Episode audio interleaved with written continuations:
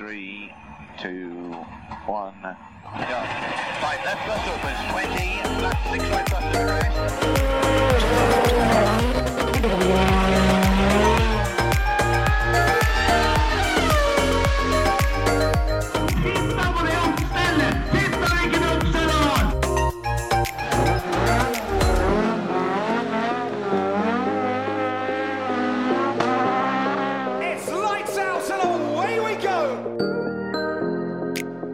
Hjertelig velkommen til en ny episode av Føremøte. Podkasten som får deg gjennom uka. Ja. Ja. Det var bra, bra beskrivelse. Tenkte jeg skulle ta på meg min eh, indre TV-shop-host der og smøre litt på. Og solgt noe tupperware. Ja, ikke sant? Noe gryter. Men har vi slutta med opprop? Ja, vi har jo det. Okay. Vi er jo innelåst i føremøtebua på Ubestemt tid. ubestemt tid. Det her er vår egen, eh, egen hjemmekarantene, så, så her hender det at vi, at vi bare åpner vinduet så vi får inn eh, en og annen gjest. Eller så, eller så sitter vi stort sett her. Ja. Det, det folk ikke veit, at egentlig så sitter vi i Sem fengsel. Ja, ja. sitter på Berg, der er det åpen soning. Ja. Ja. Ja da. Nei, vi får gjest i dag òg. Glenn Fossen eh, kommer til oss etter hvert. Lederen i kartingseksjonen i NBF. Ja. Skal vi prate litt med han, så det blir gøy. Men eh, som vanlig så skal vel vi prate litt dritt om alt mulig annet først. Ja. ja. Vi må jo gjøre det vi kan. Ja, ja, ja. Det er, er derfor vi er her, vet du. Ja, ja. Det er vi gode på. Ja, det, det begynner å komme seg nå. Så eh, nær sagt, som vanlig, så får vi vel eh, ta oss en tur i Porsche, og så Porsche. høre åssen det har gått. For nå har det vært litt av hvert som har skjedd den siste uka. For det, vi kan jo begynne med oppvarminga. Vi, vi skal jo selvfølgelig til NM-finalen på søndag, som, som dere kjørte. Men eh, litt annerledes oppvarming dagen før. For Ja. en oppvarming. Det var, da var det VM, eller første runden i VM. Mhm. Og vi var jo så heldige at vi ble invitert hjem til eh, Tor Anders Berven, som vi har hatt som gjest i podkasten tidligere. Uh, vi har jo hørt at han har hatt mancave og, og greier. Mhm. Men uh, det er sjelden jeg blir litt våt i øya og går inn i en garasje, altså, men det blei jeg der. Det, er- det er ikke sjelden du blir det, sånn egentlig. Men uh, ikke på den måten, kanskje. Nei. Kan heller, kan heller si det sånn at idet han dro for gardina, så var det halvkram, da. Ja, det var ikke det som sto nede i denne garasjen, det var det som sto oppe i andre etasjen. Yes. Det er altså noe av det råeste jeg har vært med på, altså. Ja, det var lekkert. Det er et kino med åtte sitteplasser, Mm. og rigg til flere hundre tusen. ja. Ja, flere hundre er kanskje å ta i, men uh, Litt, litt over hundre, da. det var skikkelig 100. utstyr i hvert fall. Skikkelig utstyr. Ja. Altså, for å si det sånn, Uh, nå er vel eh, Nå har vel Tor Anders bikka 40, så han, eh, han begynner jo å bli en aldrende kar. Så da er det bare passende at han hadde elstyring på, på stolen i riggen sin. Ja. Ja. Det syns jeg var litt rått. Det er sånn eh, pensjoniststyring. Det var som jeg sa, det er akkurat, akkurat maken som bestefar hadde på, hadde på stolen sin. ja. Men da, der var vi så heldige da, at vi ble invitert eh, hjem til han for å se på da første runde i VM i Porsche. Mhm. Og kunne se på Tommy Østgaard, som vi hadde som gjest eh, forrige uke. Og Sindre Setsaas. Og Sindre Setås. Og Max Verstappen. Og det var hele ja, gjeng. ja, hele gjengen. Det var 40 gærninger som kjørte fælt. Ja, det var, det var helt, helt rått. Og Emil har jo prøvd den banen etterpå. Ja. I og med at liksom har sett at det så veldig Ja. enkelt ut. Du var på tiende, eller? Jeg vet hva, jeg lot være å i det hele tatt sjekke hva de kjørte for noen tider under det løpet, for da hadde jeg bare blitt eh, deprimert. Det var Sandtvort eh, i Nederland, er det det Yes. de kjørte på? Ja. Skal sies at det løpet jeg kjørte, det vant jeg, Mhm. faktisk. Det er ikke så ofte jeg vinner løpet i den Porscha, men, eh, men der satt den. Og respekten for hva de gutta der driver med, den ble bare 40 ganger større når jeg kom ut på banen. Bare det jeg kjørte ut til første sving, tenkte jeg fy faen, har vi sett på de gutta her ligge side om side, millimeter ifra, og bare fighta i liksom en halvtime her sånn? De er jo gærne. Det var helt sjukt. Det var så trangt, og det gikk så fort. Og det var konstantsvinger, det var humpler overalt på banen. Det var dritvanskelig. Ja, det Så det der var, det var helt sjukt, faktisk. godt om å trene litt først. Og det løpet det var jo helt rått å se på. Sånn særlig sett med norske øyne. Ja, ja. For da i sprintløpet så eh, kliner Tommy til med å bli nummer to. Ja visst. Mm. Og det i seg sjøl var dritbra. Så kommer da Opps i hovedløpet etterpå, på en halvtime. og Tommy går opp i ledelsen og får luke, Ganske tidlig der. da fikk jeg gåsehud, faktisk. Både her og både der. Ja, det var rått, altså. Han leda med et sekund på det meste, vel, og leda vel hele løpet i et kvarters tid. Ja. Så forsvant det sekundet litt fort, og så var det spennende en stund. Ja. Han hadde en ørliten kontakt med, med Jobb, husker ikke hva han heter det første navn. Eller fornavn. Ikke Steve, tror jeg. Ikke Steve Jobb. Nei. Ja ja. Nei, Da- men uh, Der tror jeg, altså I den situasjonen der sånn, så er det vel fare på ferde for at begge dere hadde fått smaka litt mer gress, kanskje, enn det for Tommy. Han tapte to-tre plasseringer og var utpå igjen. Han var ikke av banen engang. Nei. Sti, stive hjul et par meter, og takk for maten, vi kjører videre. Ja, Det var eh, ekstremt imponerende. Og Tommy har sagt sjøl etterpå at uh, han fikk eh, så mye han kunne ut av det løpet som det var mulig. Han Mm. uh, var helt ærlig på det, at han hadde ikke farta til å vinne løpet. Nei. Og en fjerdeplass i hovedløpet var um, Det var maks. Mm. Det er det er på en måte Det er litt kjipt å bli nummer fire, først utafor pallen og sånt, men uh, det er VM. Ja. Det er uh, Max Verstappen ble med 11, eller hva han var? Hva han ble? 11. Han kjørte seg greit oppover. Starta forholdsvis mye lenger bak i feltet. Ja. Der gikk det unna. Starta vel 34 eller noe sånt, tror jeg. Mm. Så det Han er, eh, lå vel i, i traktene sammen med Sindre Setsås eh, stor del av løpet der. Ja, Sindre hang seg vel bare på rygg, Ja. og så bare lot plogen eh, 2-0 eh, brøyte vei. Ja. Og så eh, hang han seg egentlig bare på der, hele veien inn. Det var veldig, veldig imponerende av- Sindre òg, med tanke på at det var det første VM-løpet hans. Mm. Så jeg tror dette her kan bli gøy fremover. For det, nå ligger jo Tommy fire totalt i VM. Mm. Eh, og neste runde er allerede til lørdag. Det er det. Det er Barcelona som, eh, som gjelder. Det blir veldig, veldig spennende. Gleder meg til det løpet der, og se om, eh, og se om eh, Sindre tar med seg erfaringa han fikk fra første løpet. Se om han klarer å, å bygge noe på det allerede så tidlig Mm. i VM-karriere. Og være med opp og, og fighte litt sammen med Tommy og, og de andre. Mm. Han er uten tvil både farta og talentet Ja, til det. Så Det er jo det, det er jo veldig spesielt å hoppe inn, eh, spesielt inn i VM da, med de etablerte gutta. og på en måte Du, du blir en av rookies, da. ja, det gjør det. Og du må på en måte Du, du går litt på tå. Mm. Så begynner vel å senke skuldra litt og spise albuene litt og sånt etter hvert. Så det Mm. blir gøy. Det var oppvarminga si, for å si det sånn. Da fikk jo dere se åssen de storguttene gjør det. Så skulle dere sjøl i aksjon da på søndagen. For da var det Interlagos og fjerde og siste runde i vårsesongen av Simracing Grand Prix. Ja. Og dere har jo trena litt der, som vi har snakka om de siste ukene. Og åssen syns dere det gikk? eh, Hvis vi begynner med prekvalen, så kom jo alle seg til A. Det var jo, det var jo målet der. Det gikk ja, fint. Både, både, både jeg og Terje satt egentlig en eh, ålreit tid hver ganske tidlig. Mm. Og kjente oss egentlig trygge sånn sett. Og så fikk vi Jeg, jeg kjente meg veldig trygg. Du kjente deg veldig trygg. Jeg kjente meg egentlig trygg, jeg òg. Regna med at den tida holdt. Og så fikk vi skvisa den ned litt til. Og Terje eh, viste jo nok en gang at han hadde mer enn nok fart Mm. til å henge på gutta.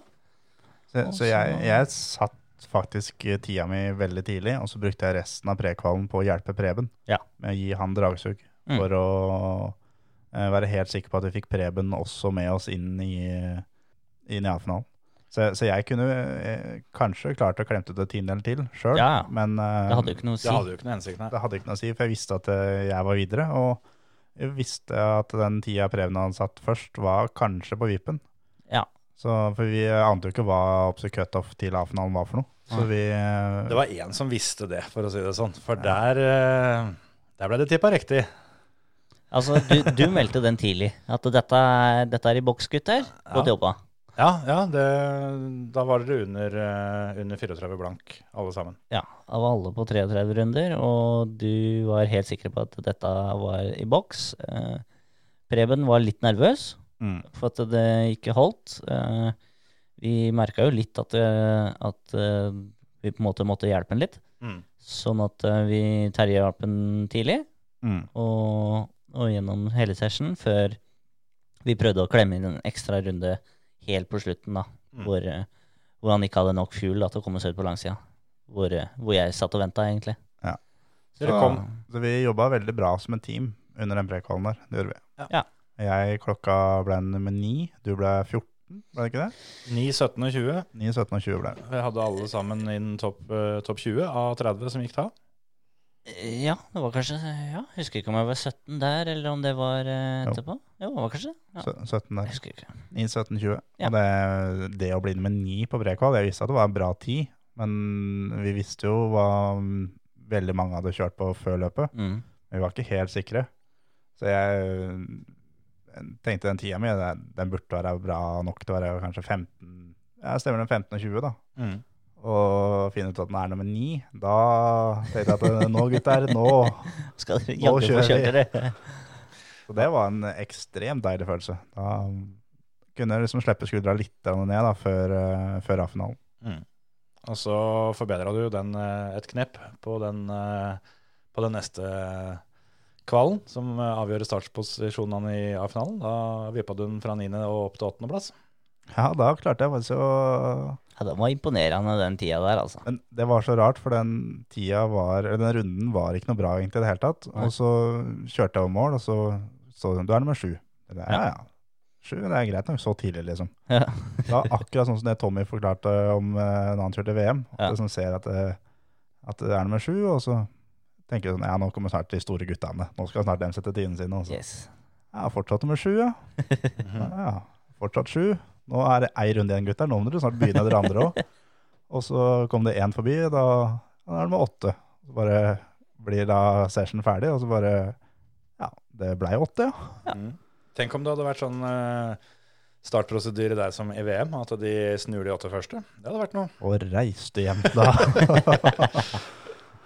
Nei, det var eh, ekstremt moro, altså. Og, og vise litt det at den prekvalen var ikke tilfeldig, da. Nei. Hadde faktisk tempo til å være topp ti.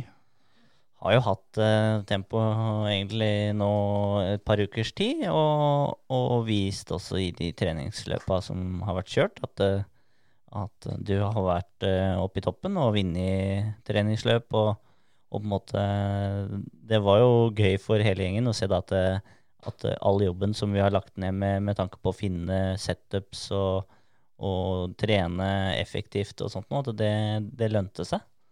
Og det var jævla kult at de andre også får se at «Å, faen, de gutta her har jobba, nå har de jobba, og, og dæven om de kjører nå. Mm. Ja, det... Så det, det blei lagt merke til. Det blei kommentert uh, hvor det liksom kom opp at å dæven, se Terje Flåtten oppe på sjuendeplass her. Det er knalltid. Mm. Det var, eh, nei, det var ordentlig, ordentlig moro, faktisk, å få til den tida der. Mm. Det, men så er det da konkurransemennesket da, som slår inn at det, det Jeg veit jo med meg sjøl at den runda var ikke optimal. Nei. Og jeg hadde en runde etterpå som var eh, Jeg var vel tre tiendere foran den tida der. Mm. eh, men fikk da en off-track, var litt på utsida av banen, eh, Ja. inn mot siste svingen. Hadde den tida eh, holdt, så hadde vi kanskje starta med to eller tre. Ja, Så det, det er på åttendeplass er kjempebra, men Ja, eh, vi er alltid litt bedre. ja, ja, ja. Sånn kommer det alltid til å være. Ja. Så gikk det jo ikke like bra i løpet, det må det vel være lov å si. Da fikk Team Føremøte gjennomgå. Ja, det gikk jo på godt eh, gammelt norsk eh, ordentlig dritt, vel. Ja, For jeg starta 16 17 Nei, 16. Jeg starta på inneren. Ja. Berven var plassen bak. 16 sikkert, da, ja. Ja, sånn at, eh, for det, det husker jeg, for det gikk over, eh, gikk over mål etter eh, jeg hadde satt runda. Og runda etter så, så har jeg på displayet på rattet mitt, så står det jo laps, og det står posisjon, og det står tida og sånt, og så så jeg jo tida på der, og det var ikke noe knalltid. Jeg bomma jo en del, og så fikk jeg liksom ikke sydd sammen en ordentlig runde, da. Eh, Men der sto det posisjon 28 på rattet mitt, da. Så den oppdaterte seg ikke, da. Mm. Og så sjekka jeg jo ikke resultatlistene underveis. Og så plutselig så kom det bare ding, kom det Da var jeg vel 14 eller noe sånt, eller 13 tror jeg det var, når resultatet oppdaterte seg. da, Så kom noen etterpå. Sånt, noe da. Og så da sjekker resultatlista. Se, det er Berven bak og greier. Ja, dæven, hæ. Guttene foran, da, vet du. Vi fikk jo, både jeg og Preben, fikk jo første Håper å si førsterekkesplass til å se drama som, eh, som eh, skjedde i første sving. Ja, i første sving så skjedde det litt. Ja, Da kom du på TV, Terje. da kom du på TV. Ja, på TV, ja. Det er, eh, jeg hadde en fryktelig, fryktelig bra start. Mm. Og eh, gikk forbi både Emil Heierdal og Anders Myhre, som starta rett foran meg. Så vidt det var. Ja, For der hadde ikke jeg lagt kuken imellom, for å si det sånn. Det var, det var på, på kusehåret, for å si det sånn. Der var det ikke plass til stort. Så det, jeg holdt jo på å kjøre på første personen, altså før jeg gir andre gir. Ja. Og så kom jeg forbi dem inn mot første svingen, og så var det da Carl Fredrik Hershaug, som eh, var vel da nummer fem, tenker jeg. Ehm, så bestemte jeg for at jeg skal bremse seint inn i første svingen, for jeg skal opp på sida av han, og så skal jeg legge meg inn bak han ut av første svingen. Ja. Eh, Jeg skal bremse så seint at de bak ikke skal ha mulighet til å kjøre på meg. da. Ja. Um, det fikk de jo. Så jeg blei uh, treffet på hjørnet bak, uh, inn i første svingen, og løpet mitt var i grunnen ferdig allerede, allerede der. Så det var kjedelig. Men det er jo igjen sånn som kan skje i motorsport. Det kan Ja. skje i virtuell motorsport og ekte motorsport. ja, og det skjer. Så det, Tusen treningsrunder før, uh, før uh, sving 1 var ferdig, så var de uh, på bollet. Hivd på bollet. Da Nei. var jeg forbanna, altså. det er som Tommy sier, da. De er ikke forgjeves. Nei da, nei da. Så det Du kjørte deg jo et stykke opp igjen nå. Det var jo ikke bare sist, men et, et stykke bak feltet der. Og så fikk du jo henta deg opp ei lita beite, og så Ja. gikk det vel litt så som så utover, eh, utover løpet. Ja, Det er vel ikke det. så lett å holde motivasjon, kanskje, når, eh, når det Altså når det er sånn nærme å gå sånn som du håper på. Så, Ja. ja. Det var vel 11 sekunder, tror jeg, fra meg på 30. plass opp til Mm. nummer 29, når jeg tok i gang igjen ut av første svingen. Ja. Så mm, det var eh, Det gikk, eh, gikk på sinne de første rundene der etterpå. Ja, det er ikke lett sånn som når du da blir stående på, på tvers der sånn, med varme hjul etter å ha holdt igjen eh, for å prøve å unngå å stå sidelengs. Og så da, når du trår på gassen igjen da, litt sinna, det er kanskje centimeter for mye gass. Og så i tillegg da de varmehjula, så spant de jo bare rett rundt. Yep. så sto med nesa gærne vei. Fikk deg en sånn uh, ordentlig idiotpiruett uh, på TV-sendinga der, sånn. Så de som, men, men heldigvis så var det jo en del annet som skjedde i, i samme bilde, så det er ikke sikkert alle fikk det med seg. Men da kan dere gå tilbake og se på sendinga nå, så kan dere se på Terje som driver og spoler rundinga for seg sjøl og tar noen donuts eh, ned bakken på Interlagos. Da var det nesten så det var alt F4 og bare gi faen i hele dritten. Men eh, da tenkte jeg faktisk på det vi snakka om i tidligere episoder, om han der Bubba Wallace i, Yes. i NASCAR. At uh, Vi er ikke quitters. nei, vi er ikke quitters, vi skal komme oss til mål. Ja, Om som det er bakerst, så er det bakerst. man skal alltid kjøre ferdig. Så, og så var det jo du var jo innblanda her litt uh, greier etterpå. Det var vel samme, samme svingen. Det var eh, samme svingen. Eh, Jeg hadde også kjempebra start. Eh, Men jeg fant luka på innsida i første svingen. Som de fleste som starta på innsida ofte gjør. Ja, men jeg tro- trodde ikke jeg skulle få muligheten til å gå på inneren han foran meg, da. Nei, jeg bare tenkte mer på Terje som starta innerst. Han gikk på ytteren. Ja, han, eh, han valgte inn å gå rundt, ja. Sånn at jeg tenkte det smeller utover. Eh, best å være på innsida uansett. Sånn at eh, det var det safe. Eh, og jeg gjorde det motsatt av deg. Jeg tenkte jeg bremser tidlig, så ikke jeg kjører noen i ræva. Og sånt noe. Og kom meg egentlig veldig helskinna og pent gjennom det der.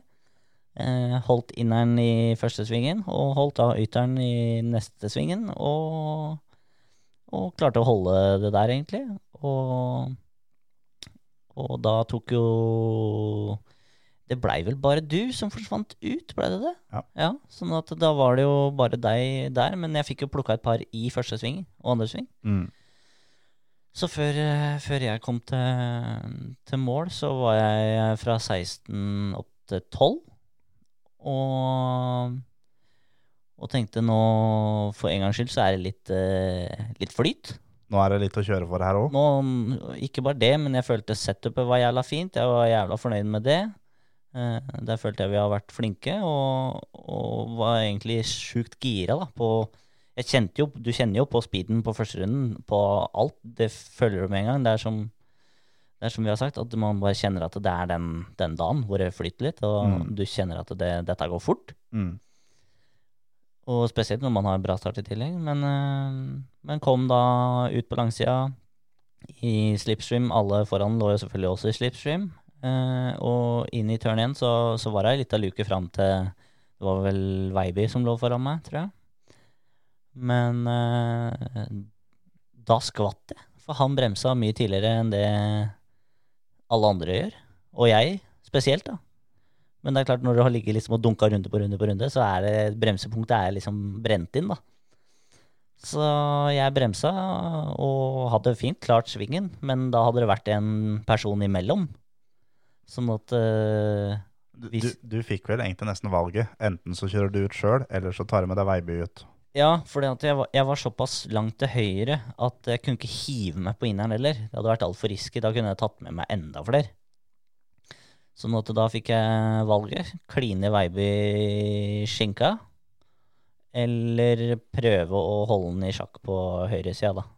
Og der visste jeg det er liksom en sånn her lita stripe med gress, da. Sånn at eh, fra forrige løp så vet jeg at gresset er ikke akkurat min venn. Og det var ikke den gangen her, eller? Nei, fordi jeg bremsa så godt jeg kunne mens det var asfalt. Og når gresset kom, så slapp jeg bremsen. Og fordi jeg visste at klemmer jeg den inn her, så går jeg bare rett rundt. Eh, det funka nesten. Fikk liksom akkurat ikke henta den inn. Kom litt sidelengs, litt mer sidelengs, og så ble det liksom fire stive ut eh, på utsida der. Og, og så tenkte jeg holdt å si fuck, fuck, fuck idet det skjedde. Og så, på en måte, når den begynte å nærme seg stopp, så går jo svingen veldig ned til venstre. Før den går til høyre igjen der. Og da tenkte jeg at da kan jeg kjøre i gang rett ned. Men idet jeg går på gassen der, så har jo hele den høyre sida med dekk har jo ligget da sidelengs og, og holdt stive hjulet nå i 100 meter. Sånn at de var jo glovarme. Så idet jeg tråkker så vidt der på gassen, så vrir hele dritten seg venstre. Og hva kommer der? Der, der er kommet en rekke med biler, da, selvfølgelig. Fikk rydda opp litt der. Ja, sånn at eh, da ble jeg liksom sittende midt imellom den, hva gjør jeg? Bråbremser jeg står midt i veien nå, eller gønner jeg på og kommer meg helt over og ut på gresset på andre sida og inn i, inn i autovernet, på en måte? Eh, hva gjør jeg? Nei, en sånn ting midt imellom, kanskje. Det var verken bånn gass og det var verken bånn brems. Det var sånn brain fart, liksom. Full panikk og begge pedalene i bånn. Nei, nei, jeg vet ikke hva jeg gjorde. Det var nesten så jeg slapp eh, rattet omtrent òg. Men eh, Og der selvfølgelig da så smatt jeg imellom én bil, og, og rakk ikke å komme over før eh, jeg ødela løpet for eh, Nils Erik eh, Isaksen, da, selvfølgelig. Så det Han, han fikk et ganske tungt løp eh, takket være førermøtet, for, sånn, for du tok den jo først. Ja. Eh, jeg tok den litt etterpå, ja. og var eh, så uheldig at jeg fikk treffe han på hjørnet bak, så Ja, han fikk liksom først liksom mosa inn fronten sin av, av han der idioten som kom på tvers der hvor, hvor veien går rett fram. Og så kom du og ordna bakstykket på han. Kommer da først en med brainfart, og så kommer det da en etterpå da med adrenalin langt over tredje etasje i huset han satt i, og sinne langt på utsida, og fikk treffe inn på hjørnet, og han endte dessverre feil vei, så eh, det var ikke meninga for Nei. noen av oss. Det er eh, Nei, da, og jeg sendte meldinga min eh, etterpå og beklaga meg. Og, og selvfølgelig, det er jo aldri, aldri gøy å, å ødelegge for noen, men det er i hvert fall ikke gøy når dine egne feil ødelegger for noen. Nei. Sånn at eh, Så det er synd, eh, synd for eh, gutta fra IGL Coatings som har jobba like mye som oss og, og trena og ordna setups, og så blir det, blir det ødelagt, da. Ja. Før det egentlig har starta. Men det løpet endte jo med en norgesmester. Det gjorde det. Mm. Det var et fryktelig spennende løp for Herregud, sånne som løp. meg som satt og så på. Ja. Hadde ikke du Du hadde streamen til Emil på én skjerm, streamen til Tor Anders på en annen skjerm, og hovedsendinga på en tredje skjerm? Eh, Jeg begynte sånn, men eh, jeg skrudde av Emil ganske tidlig, for han, eh, han gadd jo ikke vise, vise noe annet enn seg sjøl. Det, det var jo totalt Du skjønner, uinteressant. du skjønner jo at hjernen ikke funker, ikke sant? For jeg hadde, hadde jo glemt å trykke på knappen som bytter scene.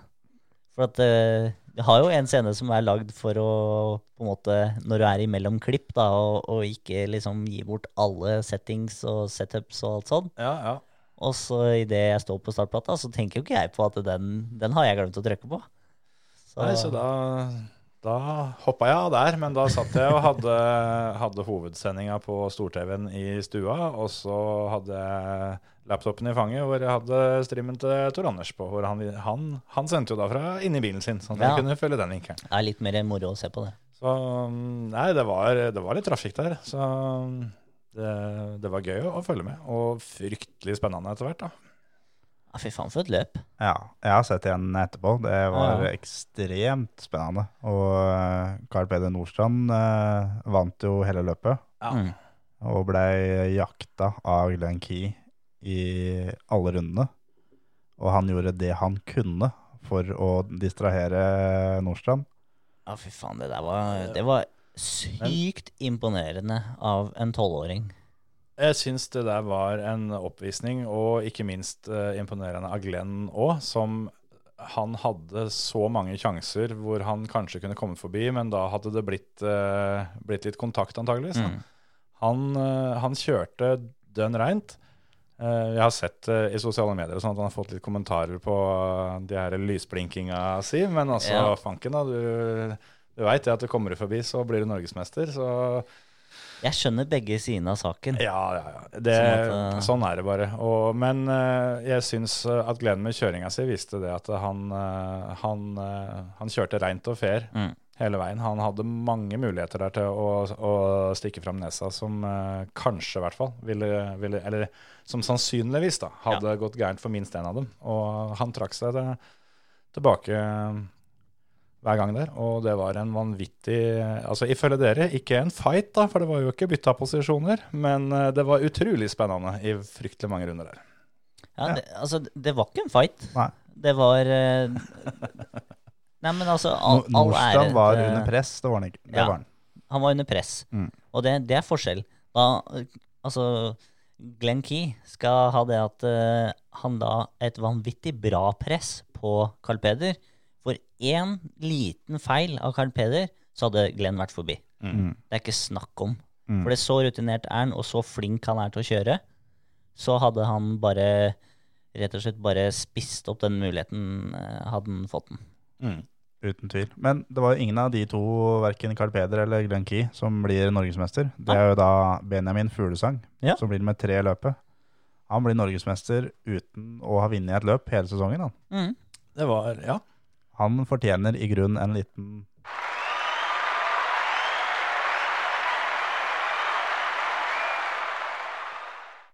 Sånn en.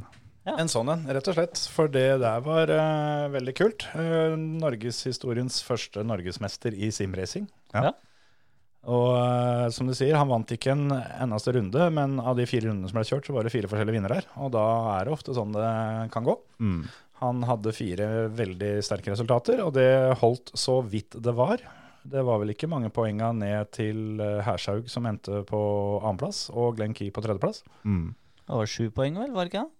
Det var, Jeg tror det fra Fuglesang til andreplass tror jeg var to poeng. jeg. Ja. jeg tror det var noe sånt, og så var det syv poeng ned til Glenn Key. ja, det var sånn det var, ja. ja. ja. Men så hadde Glenn Key eh, kommet forbi uh, og vunnet Mm. løpet, så hadde han blitt norgesmester. Og Hershaug og Emil Heierdal, som vel var, to av, var vel nummer én og to vel, fra Ja. løpet, de ja. barka jo sammen ganske tidlig der, eh, som eh, førte til at begge de var eh, altså, Ferdig, Ja, egentlig. I hvert fall Heierdal var jo da ferdig kjørt. Han var ferdigkjørt. eh, om NM-tittelen, i hvert fall. Mm. Og så ja, Det var så mye rart som skjedde hele veien der. Og Men nå, det skal også nevnes da at det er en protest og en appell eh, inne i det løpet her sånn, som kan endre på NM-resultatene. Ja. Så de resultatene vi sier nå, de er jo uoffisielle Ja. enda. Vi veit ikke før. Så, men enn så lenge så er det Benjamin Fuglesang som er norgesmester. Det er det. Det, mm, det er vel en protest som eh, ikke gikk gjennom og er appellert videre. Så da får vi bare vente og se åssen det der eh, ender før eh, det blir helt konkludert. Men den applausen den har han fortjent uansett. Eh, Han kan nesten få en til.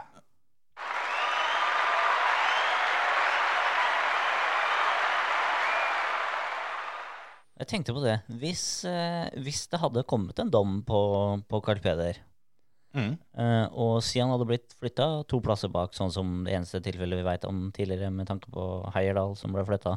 Ja, på Suzuka, ja. Ja, så ble han flytta to plasser. De har vel sagt at uh, en eventuell straff ville gått på poengtrekk denne gangen. Ja, sånn at, eh, men, men skulle de også ta det at det, Fordi at det, det her har jo ikke noe å si i poengsammendraget, så da er det ikke noe vits å gi den straffa. Nei. Sånn at uh, det han på en måte har tjent Altså, Fuglesang vant jo NM totalt fordi Glenn Key ikke vant løpet. Mm. Og, og Glenn Key mener jo det at uh, Carl Peder brukte eh, utsida av banens egne track limits Ja. og, og, tjene på Ja. det. Og på en måte etter boka da, så skal du bli flytta bakover, da. Du skal jo ikke kunne tjene på det. Nei, og det er jo det som da er, er det eneste som har skjedd eh, tidligere da, med, med Heierdal på Suzuka, som Ja. eh, ble dømt for, det, for samme type Samme, forseelse, og ble flytta to plasser bakover på resultatlista. Men spørsmålet mitt da er hvis Glenn blir nummer én, og Benjamin blir nummer to. Mm. Skjønner du? Interessant. Får Benjamin nok poeng fortsatt til å kunne vinne Nei, NM? jeg, jeg, jeg, Da tror jeg det er Glenn som vinner, skjønner du. Er det det? Nei, ja, det, det der kunne vi jo sjekka opp. Uh, For det tenkte jeg på, for skjønner du. den- At det, Det scenarioet der har jo Sim Racing Grand Prix skrevet om, uh, hva som må til på det, på de, forskjellige. Og jeg mener at uh, hvis Glenn eh, skulle bli norgesmester, så var han avhengig av en god del eh, på en måte korrekte plasseringer bakover. ja, fordi i og med at han ikke er først på poenglista, Mm. så kan det jo være at han ikke får nok poeng hvis han som eh, håper å si er nærmest, eh, blir nummer to. Ikke sant? For det jeg mener jeg har lest her, det er høyst uoffisielt, men jeg, hvis Glenn vinner løpet, Mm. eh, og Fuglesang da blir nummer to, så tror jeg de, at Glenn også vinner sammenlagt, og Fuglesang blir nummer to. Og da blir eh, Carl Fredrik Herstad nummer tre totalt. Ok.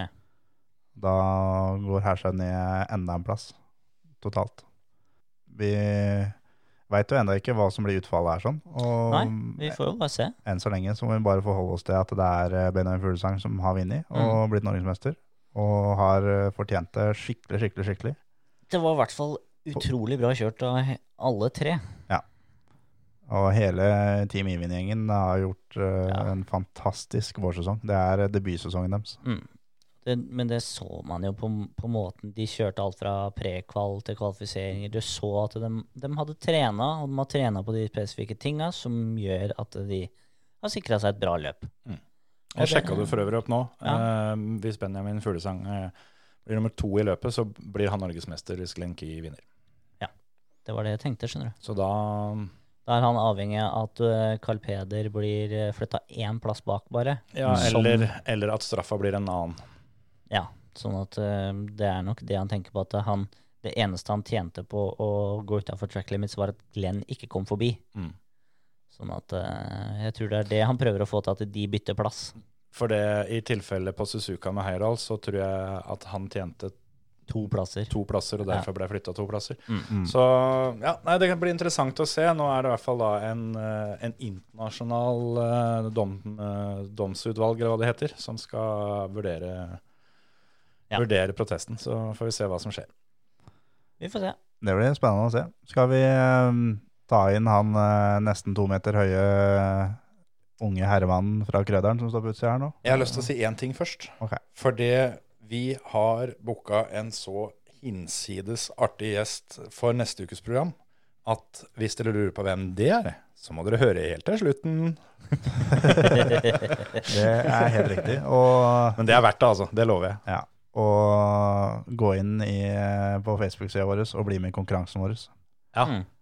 Jeg veit at eh, Glenn har med seg en premie. Jeg veit ikke hva det er, men eh, han har lova at den premien er dritbra. Eh, det blir premien i konkurransen som går på Facebook-sida vår nå. Det er bare å få banka inn noe bidrag der. Den går fram til og med tirsdag. Ja. Så dere har ei drøy halvuke igjen. Så Neste ukes gjest kommer til å bli meddommer sammen med meg. Ja. tøft. Men da henter vi en Glenn, så får dere bare kose dere. Vår neste gjest starta med gokart i 1998. Hans første seier i 2002. Tre ganger NMK-mester. Rotaksmester og 47. plass i verdensfinalen. Leder for kartingseksjonen i MBF. 32 år, fra Krøderen. Mine damer og herrer, Glenn André Fossen.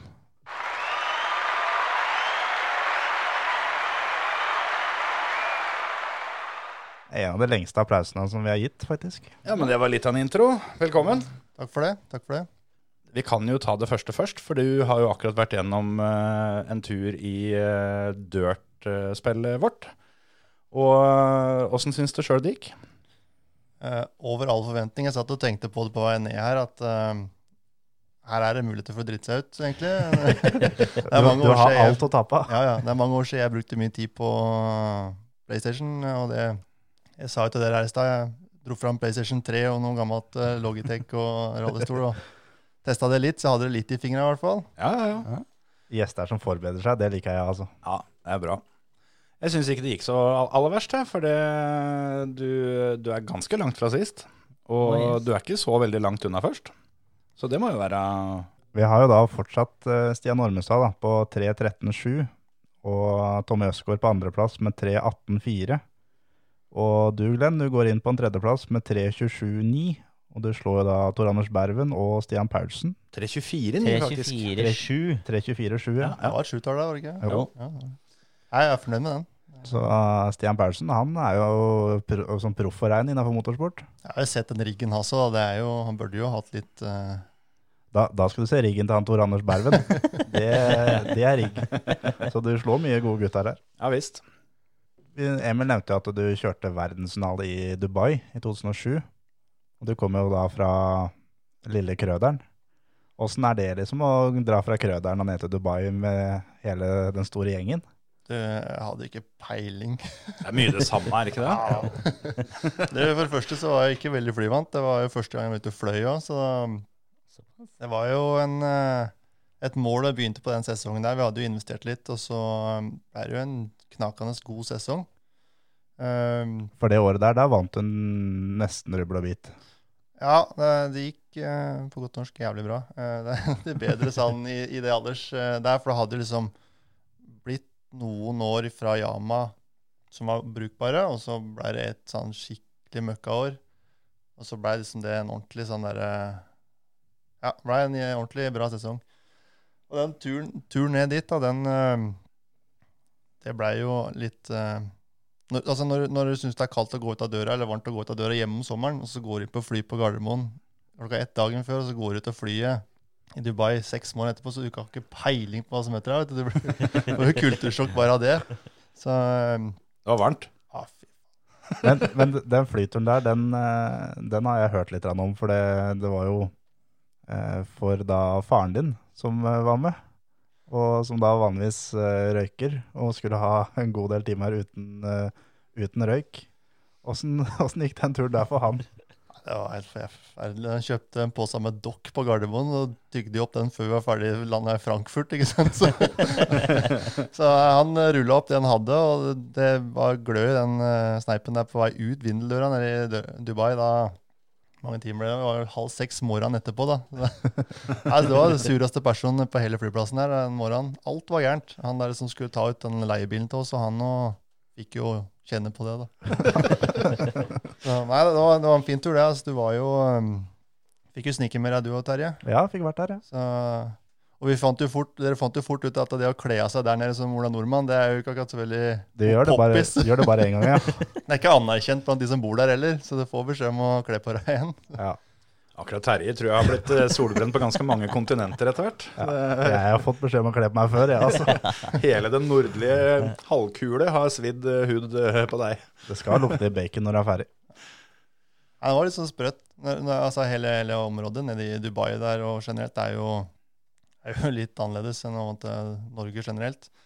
Klokka tolv om natta, da kom alle de der digre patrolene og drev med dragrace ute. liksom. Da var det dems eh, tid av døgnet. Så det, Men, men løpet gikk jo ganske greit òg. Det var jo Det ble nummer 47. ja, jeg tror vi fikk summert opp at vi, vi var jo i en B-finale, så det, det fikk jo klatra oss oppover. Så eh, vi hadde, det var jo mangel på erfaring, eh, rett og slett. Vi begynte jo knallbra, som alle nordmenn alltid gjør da, når det er drittfeste. ikke sant? Og det kjørte jo fort av, og alle lurte på hva vi drev med, men så gikk det jo bare bakover. Jeg tror vi var fjerde, femte, siste til på tikjøringa. Altså liksom, og så er det sånn at alle som kjører disse verdensfinalene, dem er i utgangspunktet best da, i sine land, stort sett. Altså, alle tror at de skal kjøre fra hverandre. Så jeg, lå baki der og subba med noen amerikanere og canadiere og litt sånn diverse. Men det, engelskmenn da, de, de drev og rota framme der. da. Så, men det var en fin, da, fin, eh, fin tur. Absolutt. Åssen er det det løpet som fungerer? Er det, har du med egen kart ned, eller har du, får du utdelt kart? Eller åssen er det det fungerer på en sånn verdensfinale? Nei, det, det konseptet til Rotax er jo one of a kind. Det er jo de Samtlige karter per klasse står jo lina opp når den kommer, med motor og alt. Og det er jo ferdig innkjørt eh, på fabrikk. Og så mm, trekker du egentlig bare en, en, en nummer fra en kurv, en bordtennisball med nummeret på, så that's it. Den karten er din. Og alle har like forutsetninger, men de beste er jo rask for det, liksom. Så det, De, de beste er best allikevel, dem. Herregud. Nei, eh, men, men klart det er noen som stiller bed, med bedre forutsetninger og har mer pondus fra, fra utenlandskjøring generelt. Så, men eh, de, generelt de der verdensfinaleløpa som går nå, både for Rotax, Rock og Yama, er et veldig fint sprangbrett for, eh, for, for nordmenn og andre som kanskje ikke har mulighet til å kjøre EM- og VM-runde, men kan få en sånn tur en gang i året i hvert fall. da har hatt en fin sesong hjemme, og så får de en sånn tur på høsten. Det er uh, en ålreit uh, greie, det. altså. Men uh, vi, vi kan jo gå til, litt lenger tilbake i starten. Du begynte jo i 2002. Hvordan, hvordan, kom, du deg, hvordan kom du deg inn i motorsport, egentlig? Ja, eh, Jeg begynte nok å kjøre løp da. Jeg begynte jo i 98. Ja, 98, unnskyld. Ja. så, men da kjørte vi jo mikro, den minste steget da. Og så hadde vi jo to år med trening før vi liksom skulle ut og kjøre løp, så det var jo Du var jo i utgangspunktet ikke så veldig langt etter på det første, første løpet. Eh, men, men da jeg begynte med gokart, så var det en veldig bra drive oppe i Sigdal-trakten, der jeg bor, med ja, andre familiemedlemmer og andre kompiser som begynte å kjøre gokart. Så det var egentlig en skikkelig bra, bra kultur og mye folk. Og det var, eh, man delte mye kompetanse rent teknisk og, og kjøremessig, så den kurva gikk veldig fort opp. da. Mm. Og det har jo liksom bestandig vært habile førere i fra Sigdal-traktene på sett og vis, rent nasjonalt opp igjennom. Det har vært røtter liksom fra den tida der, da, at det har vært det har vi delt på kunnskap og, og lærdom, og så er det jo rom for å kjøre fryktelig mye oppi der. Det er ingen som bryr seg om det. Nei. Både om det regner eller er sol. Så det, For, for sånn har det grunnen alltid vært, at det oppsier folk fra Sigdal og nesten i all motorsport har jo alltid vært dritgode. Det er både i gokart og bilcross, rallycross, rally hele veien. Det, det, det, har, det er det, altså. Det, an- anlegget ligger der, så det er alle, alle muligheter for å drive med bilsport. Da, om du da vil gå videre til rally. Og nå har det jo vært um, sånn han for en del medlemmer fra Hokksund som har driver med rally òg, som har hatt tilhørighet til klubben fra, fra gokarta, liksom. Så blir det stor bredd og mye kompetanse all over. Så det, det er fint å være en del av det. Altså. Mm. Absolutt. Følte du når du begynte i 98 at du hadde noe naturlig talent for det her? Overhodet ikke. jeg var så langt etter de andre at Så begynte jeg likt med en klassekompis med han fikk jeg ta til med en gang. Så jeg tenkte herregud, dette her Men så plutselig over natta, sånn utpå høsten, fått kjørt nok, så begynte det liksom å ligne litt, og du fikk litt drahjelp. Og på et eller annet tidspunkt så bare finner du liksom ut av det, at uh, dette her kanskje begynner å ligne noe. Så har det jo alltid vært et konkurranseinstinkt, uavhengig om det er kortstokk eller uh, annen idrett. Det er som om å være best, da, som er målet, i hvert fall. da. Husker du fortsatt den første seieren din, som kom i 2002? Uh, ja, det, det var på Vålerbanen, faktisk. Uh, så så den, jeg har et ganske godt minne fra de der eh, pallplassene. Men, men den, den som liksom jeg, vi drev og rydda inn noen premier nå, for jeg hadde stua bort alt i kjelleren. Og så fant jeg at jeg skulle få det fram, og så vi begynte å stable ting i garasjen. Og så er det sånn Å, der var den, ja, det var det løpet. liksom, Så begynner liksom å resonnere fram litt. Men det er liksom én premie som stadig vekk jeg trekker fram. liksom, det var liksom, Jeg hadde jo litt problemer med sykdom og sånn da jeg var yngre pga. hjertet mitt og sånn. Men når jeg liksom fikk lov til å begynne å kjøre litt, så, så klaffa det liksom i mitt aller første løp på Evje, da, eh, med en tredjeplass. liksom, og den, Hver gang jeg ser den, liksom, så er det liksom, kommer alt bare rullende fram. Du har liksom alt den dagen klart for deg. Liksom. Så det er litt tøft å liksom, ha sånne småpunkter. Så Mm. Men eh, du sa jo at du hadde litt uh, trøbbel med, med hjertet, og det kunne jo gått eh, ganske gærent uh, på Gjøvik en gang, var det ikke det? ja, den var fæl. Det var ikke bra. Kan du ikke fortelle hva som skjedde der? Nei, altså, jeg har jo en, en medfødt uh, hjertefeil, en rytmeforstyrrelse, en genetisk greie sånn sett. Så, eh, men etter mye undersøkelse er hjertet mitt tilsynelatende 110% friskt. Det er bare ved høy puls og adrenalin så er det en dårlig kombinasjon. Så har jo mange spurt hvorfor du driver med det du driver med, men det, Kan du for så vidt skjønne det, da? så, så det funker greit, liksom. Du har liksom kontroll. Jeg har liksom trukket pusten litt ekstra godt noen ganger, men eh, alpint var liksom det verste. Så da deisa litt i bakken der, og så vært en tur i tartandekket på friidrettsbanen og litt sånn, men eh, så sånne ting var ikke helt heldig. Men gokart og motorsport det har fungert fryktelig bra. Eh, noe du har kontroll på, senker pulsen. Men i hvert fall det løpet på Gjøvik, det ble ikke helt, for da Jeg husker godt starten gikk, og der er det sånn at du, da kjører vi jo full gass første runden rundt den ovalsvingen, så ned igjen, og så har du en god start der, så kan du jo ta masse plasser, hvis ikke så ras. Og det, jeg fikk jo en fin start, så jeg liksom, tok jo plasser nedover, men når du kommer i enden av raka der, så er det jo en skarp venstre.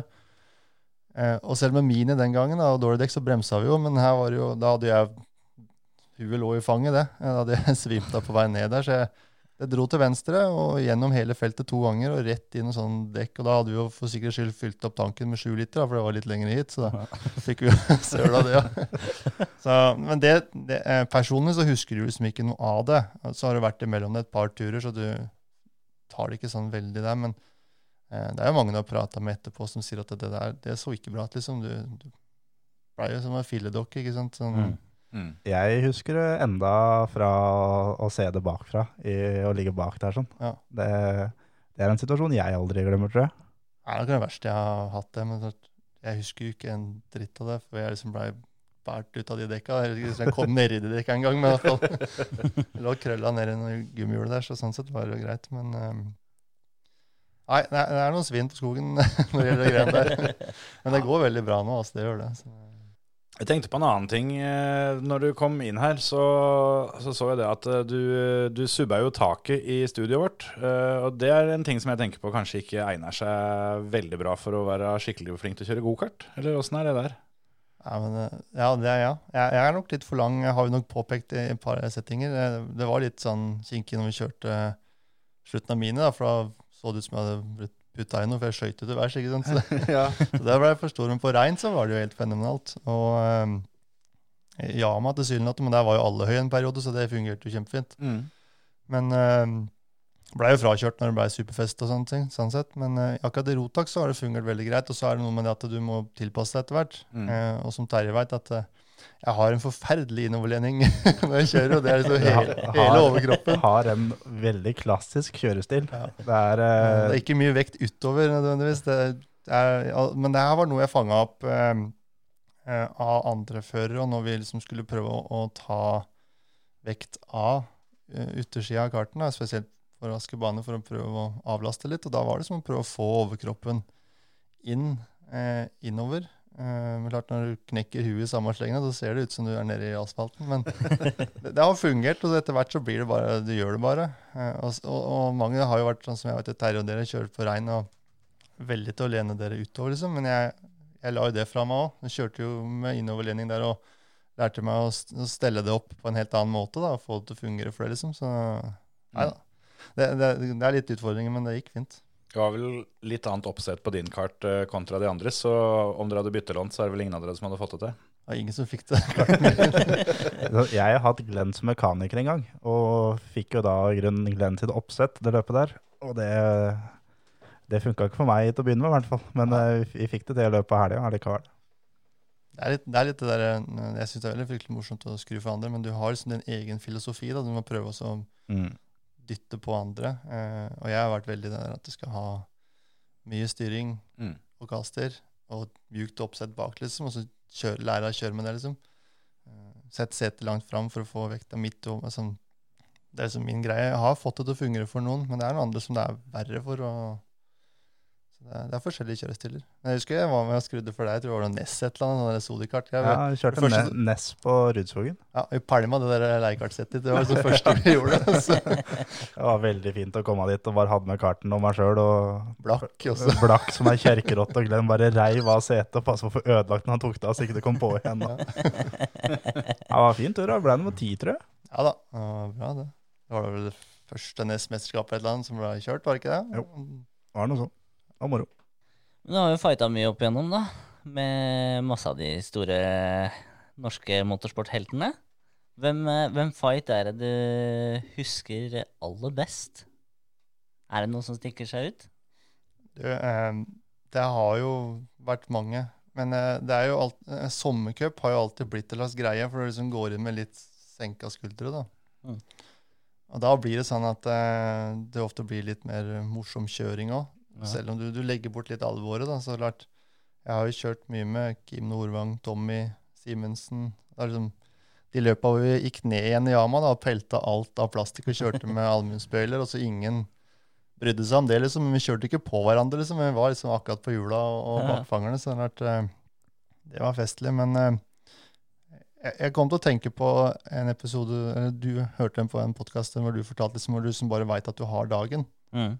Og i 2013 så hadde jeg en sånn på Rudskogen. Da vant jeg for øvrig liksom også Norgescupen den gangen. Men når du står på morgenen, du bare har en sånn god følelse at uansett hvordan dette her tar i vei, så den sitter, liksom. Ja. Jeg hadde da liksom ligget først og kjørt hele dagen, så kom jeg til finalen og kjørte liksom mot eh, Jonas Wendelborg Bråten og et par andre. Liksom. Så ble det litt kluss i finalen, men jeg ramla nedover. Men så blir det den der gode fighten hvor du liksom ligger og bytter på hele tida. Du veit åssen det er på Rudskogen med slipstreaming, og så klarer du liksom å mobilisere huet sånn at du timer det inn til siste runden. At du Ja. ikke blir forbikjørt. Det var, det var et tøft løp. Det er kult. For er, I sånne, sånne løp da, så er det jo erfaringa som slår inn. Og du har jo hoppa med gokart i lenger enn uh, fryktelig mange andre. Er det sånn man følte på slutten av gokartkarrieren din at eh, det var ikke så veldig viktig å ha topptempo, men du tok dem på erfaringa i løpet etterpå, eller, eller blei du frakjørt mot slutten? Ja, det var nok eh, det, Men jeg, jeg, på slutten, så de siste tre-fire åra, så kjørte jeg bare en to-tre løp av året, og så NM primært. da, ikke sant? Så da Mm. lada du liksom bare opp til det, og følte hadde liksom, følte hadde kontroll på det. Men klart, sakte, men sikkert så tok det jo lengre og lengre tid før hver sesong, da, og så få opp det der makstempoet, da. Mm. Det hadde du liksom i deg hele tida. Men eh, når, når du kjørte før, så hadde du de du alltid hadde kjørt mot, som dro, var den driven ikke sant, som du skulle som ta, og så blir de gradvis borte, men så kommer det en eller annen ny liten tass, og så Ja. etter hvert så blir det litt sånn der eh, Ja, det er kult å kjøre og vise at de eldste er liksom Og det, og det blei jo et par sånne. ikke sant? Har, liksom, på Varna så hadde de liksom kjørt hele fredagen. da, Bryntesson var liksom heit da, og, og sånn. Og så ga vi F i den fredagstreninga. og så kommer du på warm-upen, så er det to, og så klinker du til med best tid på tikjøring. Og så yes, liksom det trenger Ja, nei, du er jo liksom en del av den, der, eh, den kjerna som, som jeg husker eh, fra vi vokste opp med kjøringa. At det liksom Det var en spesiell eh, pulje med sjåfører som bare var helt annerledes.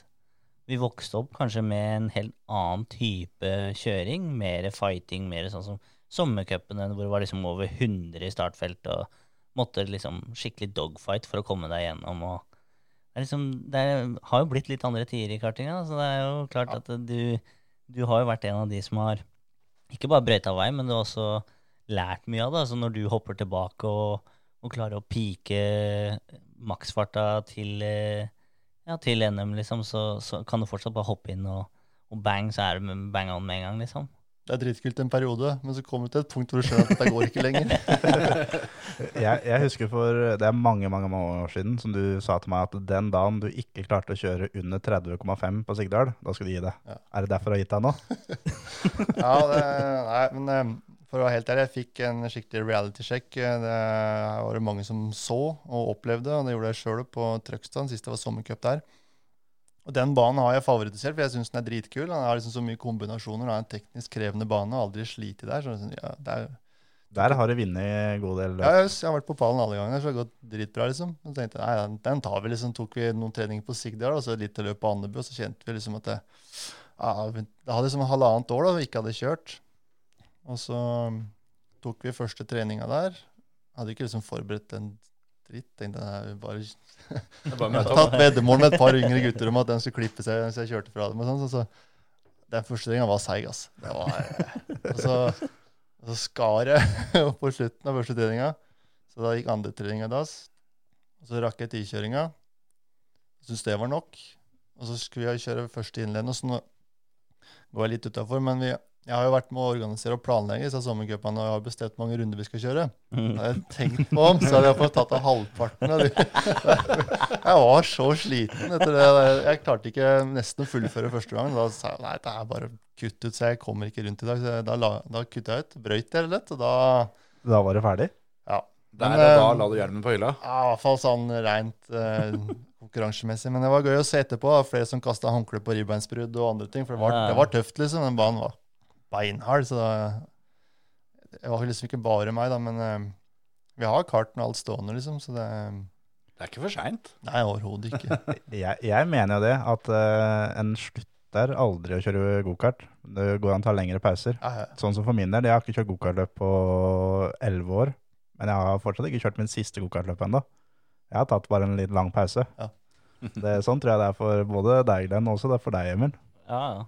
Jeg har jo venta et par år og så vært med i sånn gjestehopp eh, her og der. Og så Jeg, jeg husker jo noen av dine første treninger òg. Det var ganske seige, dem. Ja, det, det er tungt, altså. Du tenker liksom Ja, ja. Det siste du husker fra du kjørte, var sånn Det her var jo piece of cake. Du kjørte runde på runde på runde, liksom, og så kommer du Setter du deg oppi, og så første runden, så merker du at Å, Fy faen, det, er, det var vondt, ja. Kjenner den her. Helt, helt håpløst. Så det, det så folk, folk skjønner det bare ikke, liksom. Og, og da hadde liksom jeg kjørt gokart i 20 år, så var borte halvannet år, så var jeg ødelagt alt. Ja. Det var liksom ikke Det bare fordufter. Ja. Nei, altså, jeg har fryktelig mye moro med de greiene der. Altså. Det, er- så det, nei, nå har, nå har liksom neste generasjon, da, nå har vi en på gang, så Ja, ja. kjører litt. Så det er tøft.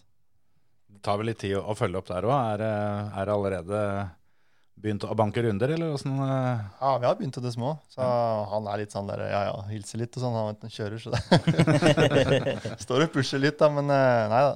Så vi, men da, liksom, da den der gokarten kommer inn i bildet, da, så kunne man kjøre sammen med guttungen sin, det, det er liksom tenkt på, det, det må være tøft. Ja, ja. Nei, jeg har en som jeg håper skal begynne å, å kjøre neste år sjøl, ja, og det Jeg har vel skjønt det at da må far ha seg en kart òg, så, så jeg skjønner hva du mener. Er ikke noen tvil om hvem merket han kommer til å kjøre, i hvert fall. da. Ja, Det spørs litt. da. Er det noen forhandlinger her med, med noen som, eh, som driver med sånt, så, så får vi se hva de har å by på. Vi får se, da, vet du. Kan hende vi kan få tak i en, vel. Ja, det kan vel hende. Nei da, det skal vel, eh, skal vel være gode, gode muligheter for en liten CRG-kart eh, til både far og sønn. Ja. Jeg tenkte på eh, Du sa det vel kanskje litt der, for jeg hadde tenkt å spørre hvem bane som er favorittbanen. Hvis du ser bort ifra Sigdal, kanskje, da, for det er vel der du har kjørt mest. Men det hørtes jo kanskje ut som det er Trøgstad.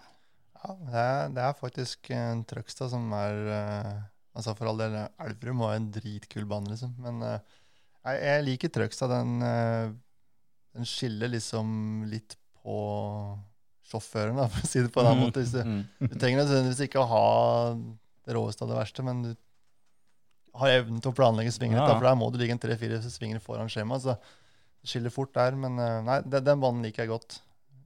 Gjorde det. Ja. Sjæl så kjørte jeg tre løp på Trøgstad og endte på sjukehuset tre ganger. Så den er ganske langt ned på min liste. altså. Men det er greit å få sjekka seg en gang iblant. Jo, jo, jo. Jeg har vært mye på sjukehuset i Østfold. Ja, det er stort sett Østfold. Det er sant, det. Det er, det er mye fine anlegg i Norge. herregud. Vi, vi har jo evnen til å lage kupperte baner her i Norge. Da, så det er, det er, klart, det, det er jo ingen bane som er flat, omtrent. Så det, Er, er det én bane i Norge som ikke du har prøvd, som du gjerne skulle ønske du hadde prøvd, eller har du vært innom alle?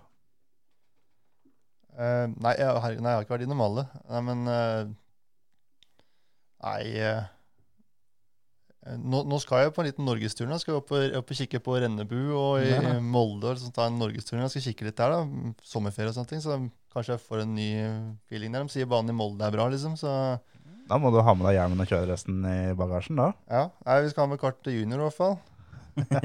Kanskje en leiekart et eller annet. Kan. Sånn passe tempo. Ja, Det er bare å hekte på en svær henger og fylle det med, med kart til alle.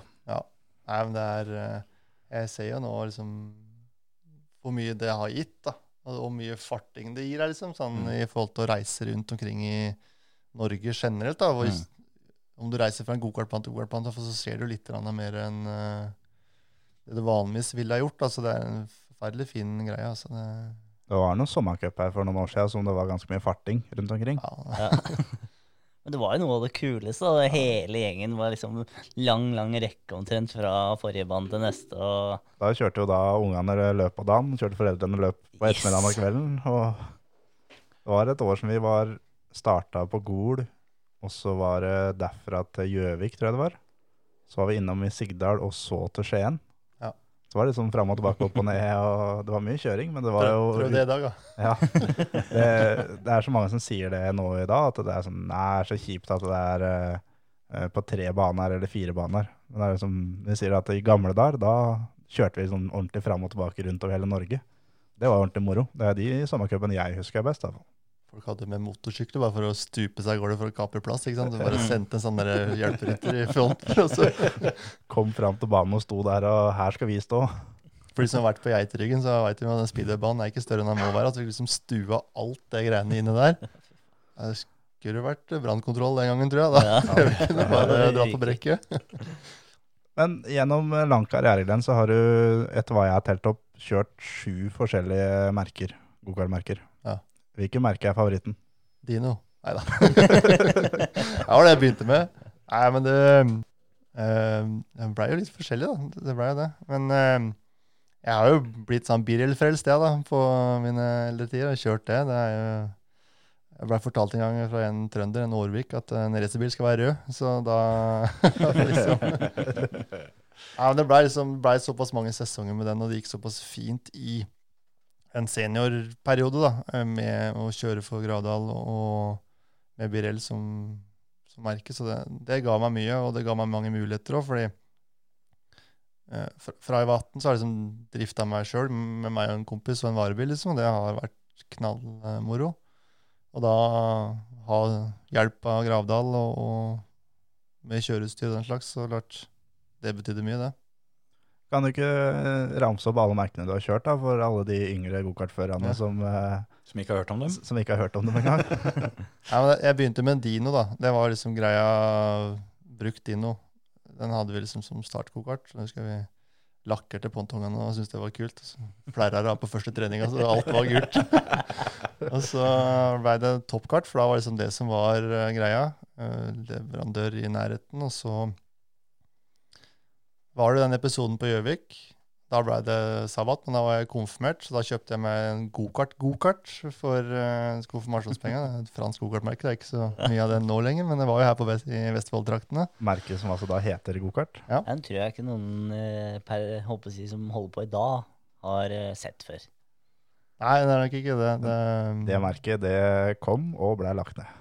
jeg, tror, jeg, jeg tror jeg var den eneste som klarte å vinne med det gokartmerket. Var riktignok sommercup, så det, da slo vi Stian Sørli. Så det var, uh, og så ble det Meriama, og da var jo Stian Sørli i gang. Og var liksom det du skulle liksom kjø kjøre for, så ble det noen sesonger med Gillard.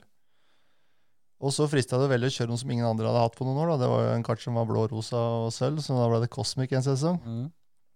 Gikk jo tilsynelatende ikke veldig bra. På regn var det ganske sheriff.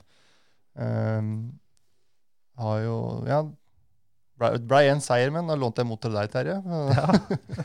Måtte ha ordentlig utstyr skjønner du, for å vinne. Ja. Så det var ikke motorene det var noe gærent med? Nei, det var ikke det. nei, nei. Det var uh, matinntaket som var noe gærent med på min side. Nei da, men det, det var så blei det Birel. Og så er vi liksom over i en annen verden igjen. Da, da blei det jo litt sånn merkelig vri på det, fordi vi han, når, vi kjørte jo mot Jonas Wenborg Bråten, Mm. og vi var jo klubbkollegaer og hadde jo mye ting felles i, i klassestruktur. Riktignok så var han som 15 år yngre, men det var mye bra med han. Og da kjørte jo han Bremer-kart, eh, og jeg hadde jo blitt massa på, liksom, men eh, var veldig tro mot Svein den perioden der. Så, men eh, da, etter at Jonas gikk bort, så blei det litt sånn derre Ja, så da blei det et par sesonger med det, i en litt nedgående kurve. da, Så klart var liksom på vei til å begynne å roe det ned litt. Så da avslutta vi med den eh, Bremeren sånn ordentlig. Men etter hvert så ble den Bremeren også et Birell-produkt, da. Så da Ja. var, oh, yeah. da, var, Da kjørte du Birell? Ja, da. Da var det hjemme med en gang, ja. Ja, det som virkelig tok piffen, det var liksom et år når det ble, en gokart ble veldig mye mer avhengig av strøm. Og jeg brukte ufattelig mye penger på et NM, og så fant jeg ut at det var det batteriet som var årsaken til alt sammen. Jeg hadde handla overalt og skrudd i bauger retninger, men eh, det var litt surt, altså. Hvilket år er det du husker best da, i karrieren din? Nei, det er, det er 2007 og 2013. De har liksom noen sånne knagger.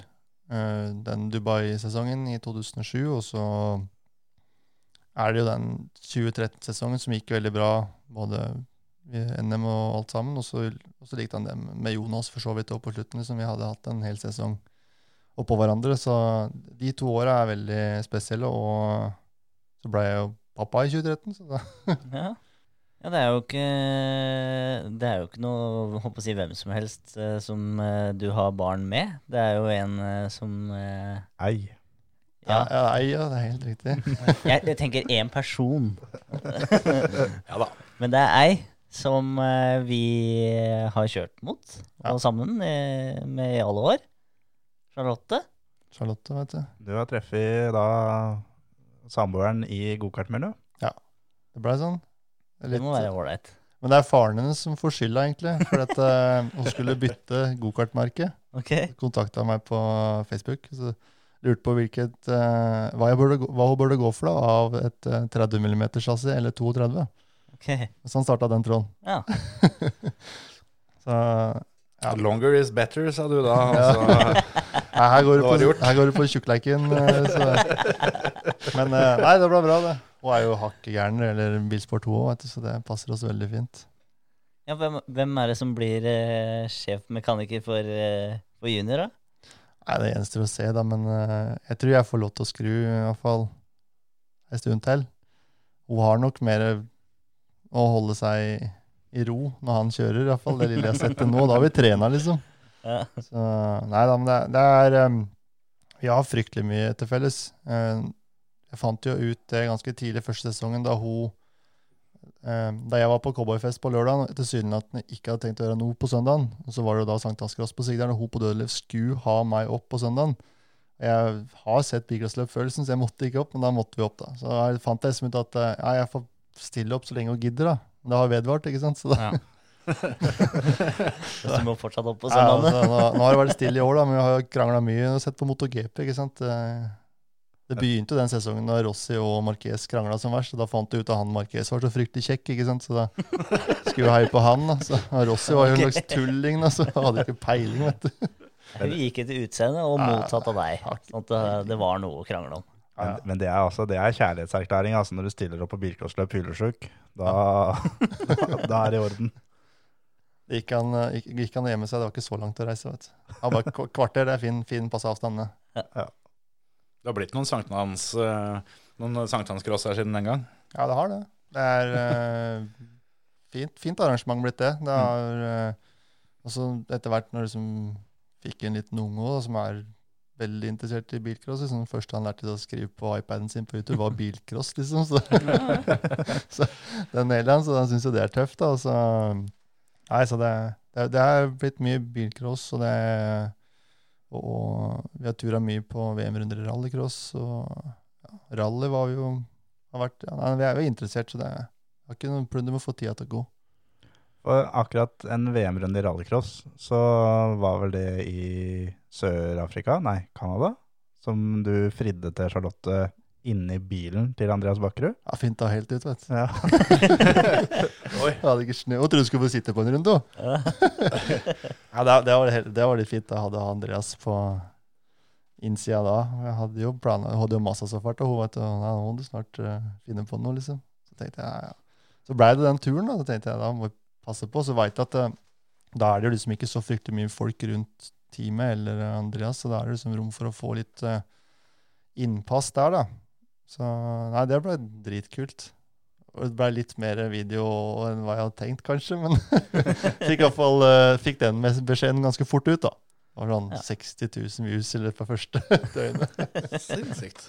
Men uh, tolker jeg det da dit hen at hun ble spent på fullt utstyr og satt i bilen i den trua at hun skulle sitte på en runde, og så fridde du? Ja, så- vi, vi, vi, hun fikk en uh, introduksjon da, på Andreas, og fikk sitte liksom i stolen hans, og så satt, lente han seg inn på andre sida og begynte å forklare liksom, hvordan det hele fungerte da, med giring og alt sammen.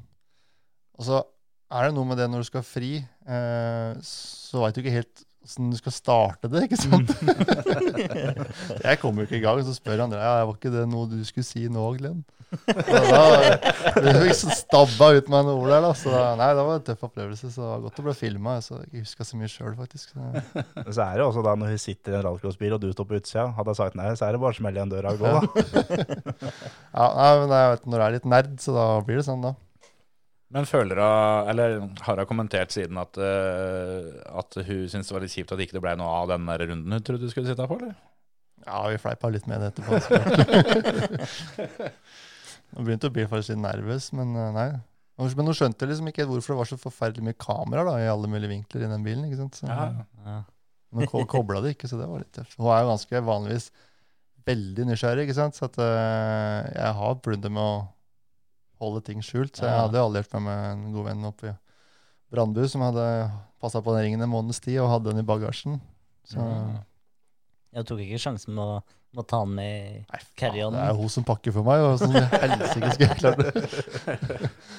Jeg Hadde da vi svelget den, tror jeg, og så tatt den uh... måtte hatt den, uh, hatt den i naturens egen lomme. Yes. Hvorfor har du med deg sil, da? Nei, jeg, jeg, jeg, jeg, jeg, jeg, jeg. Skal, Pling, så.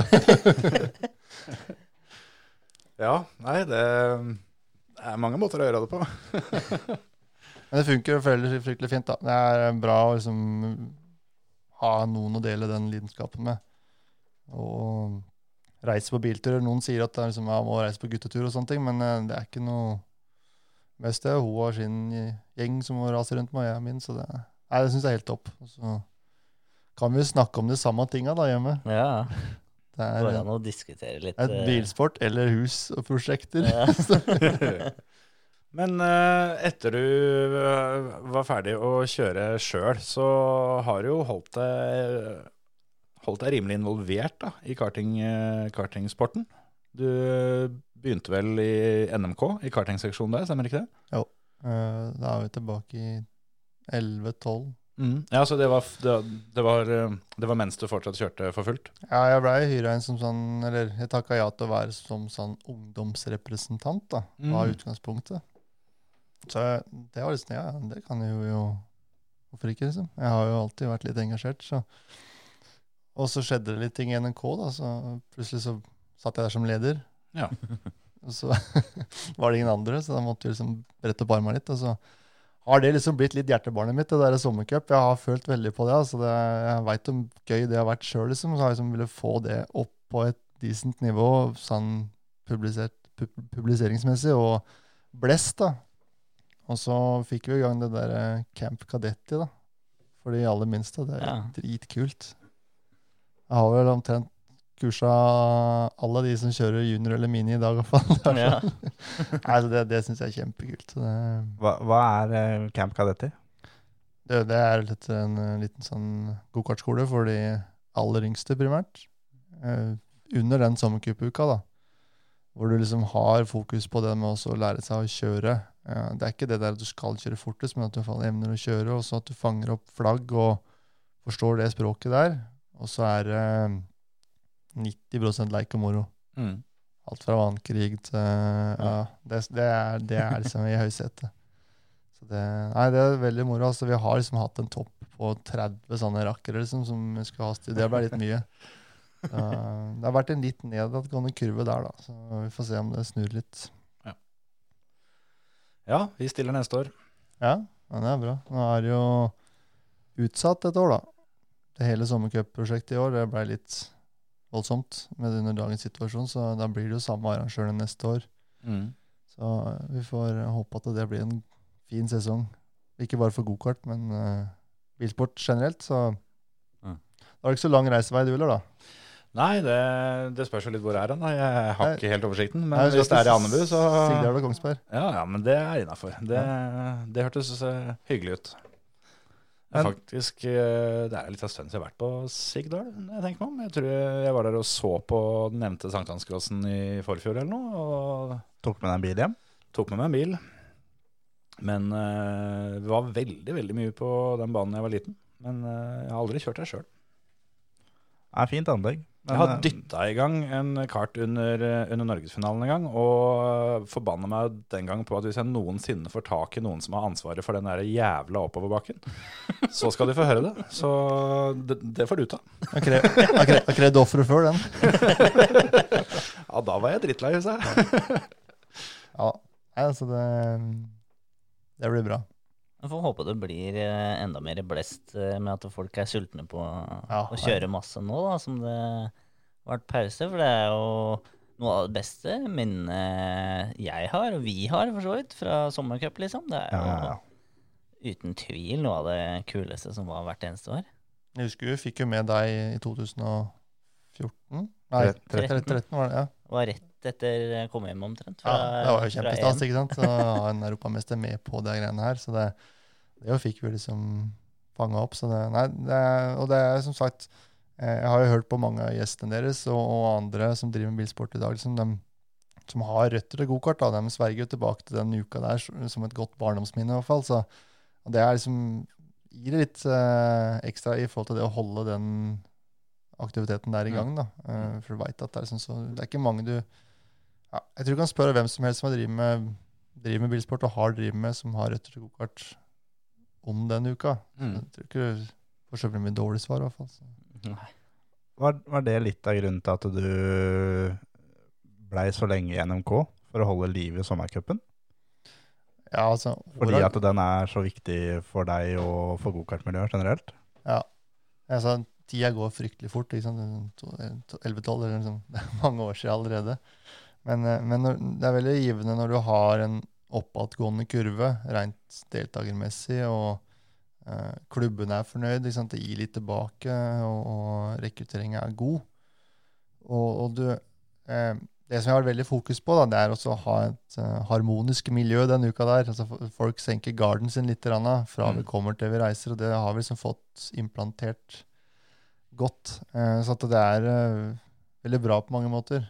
Og så er det NMK sin eh, cupuke for gokartførere, liksom. Og den, den skal henge høyt eh, være god over fire løp på ei uke sånn. Og det har han gjort liksom i over 26 år. Ja. Så, så det er liksom en god, god tradisjon da, å ta med seg videre. Så, og jeg håper liksom at uh, de som tar uh, etter meg nå, dem fortsetter, sånn at uh, jeg kan ta med meg guttungen min på sommercupen når vi kommer dit hen. Gi han samme opplevelsen som du har hatt opp igjennom, med Ja. sommercupen. For det er, eh, ja, som Emil sier, det er kanskje når både Emil ser tilbake på kokartida si, og jeg ser tilbake på min, så er sommercupen som, som du husker, på en måte. Men det er ikke alltid løpa. Men det er hele sommercupen i ett, da. Med Ja. fridagene og Mm. reise i Bjørneparken og Badeland. badeland og bli solbrent, og det er eh, Sove i alt fra campingvogner til trang Ja, er transporter. med, og, det er leirskole, ikke sant? Ja, det er akkurat det der. Liksom, tenker tilbake, så var det sånn, ja, det er litt trist å avslutte nå. Da, liksom. Alle drar til sitt etter en uke. Liksom, Mm. sånn. Så nei, det, er- det er en fin greie. Så den glad i de som starta den i 94, eh, og setter pris på at vi har klart å holde den i gang opp gjennom alle åra, og de som overtar stafettpinnen og klarer det videre. Mm. Mm. Ja, det er jo en uh, institusjon, da. Det, er jo, Ja. det har jo blitt det. Og jeg har jo, har jo aldri, aldri kjørt sjøl, men uh, det er vel en av de tinga jeg har uh, hørt mest om av ting jeg ikke har drevet med sjøl. Det, må jo- det må være sommercupen, tror jeg. det er liksom et godt, godt produkt, da. Godt innarbeida òg. Det er liksom det en fin måte å rekruttere folk til å ta steget til å begynne å kjøre løp. Liksom bli med på en uke der du lærer så mye, liksom. Og det gir deg så veldig mye Mm. på kort tid, da. Mm. Og så den sosiale biten hvor henger rundt med venner, og du, du får et helt annet nettverk plutselig. Sånn, og så er det mye enklere å reise på neste løp, da. Mm. Der var han igjen, liksom. Og så ja, ja. ja, det er liksom van, vanligvis så kanskje du møter opp uh, på fredagen, og så står du ved siden av noen du aldri har sett før, og så er det litt smalltalk, og så Mm. på en måte søndagen så er det Ja. ha det bra, liksom. Men her blir det hele uka, og noen ganger så er det sånn Ja, skal vi stå ved siden av hverandre på Sigdal òg, liksom? Eller? Ja, ja. Ja, ja, det er kult. Og for, altså for, som- som voksen så ser du jo hvordan verden utvikler seg. For nå er det jo altså, Tråsykler det er, det er greit, det, altså, men sånn en classy walk, det er liksom det som er greia Ja. nå. og det er skrubbsår ut av en annen verden, ikke sant? så for uh, herja med de greiene der. Jeg husker jo det fra når vi kjørte i gamle dager, så var det jo da enspretten i fotball som det gikk i. Og da var det liksom fikk samla 30 stykker i en svær ring på å spille enspretten. Og da Det litt eh, Det gikk litt for seg der òg. Ja, Det er, jo, det er jo litt spesielt på den måten med at, eh, sånn som Emil sier, at det er, vanlig løpshelg, så, så blir du ikke nødvendigvis så godt kjent med de, de andre. Mens når du kjører sommercupen, så er du med folk utafor løpssituasjonen, om på den hviledagen f.eks. mellom når du er i badeland Mm. eller Bjørneparken eller sånn, hvor du faktisk får, får kompiser da, på en litt annen måte enn enn det du gjør eh, sånn utover i sesongen ellers. ja.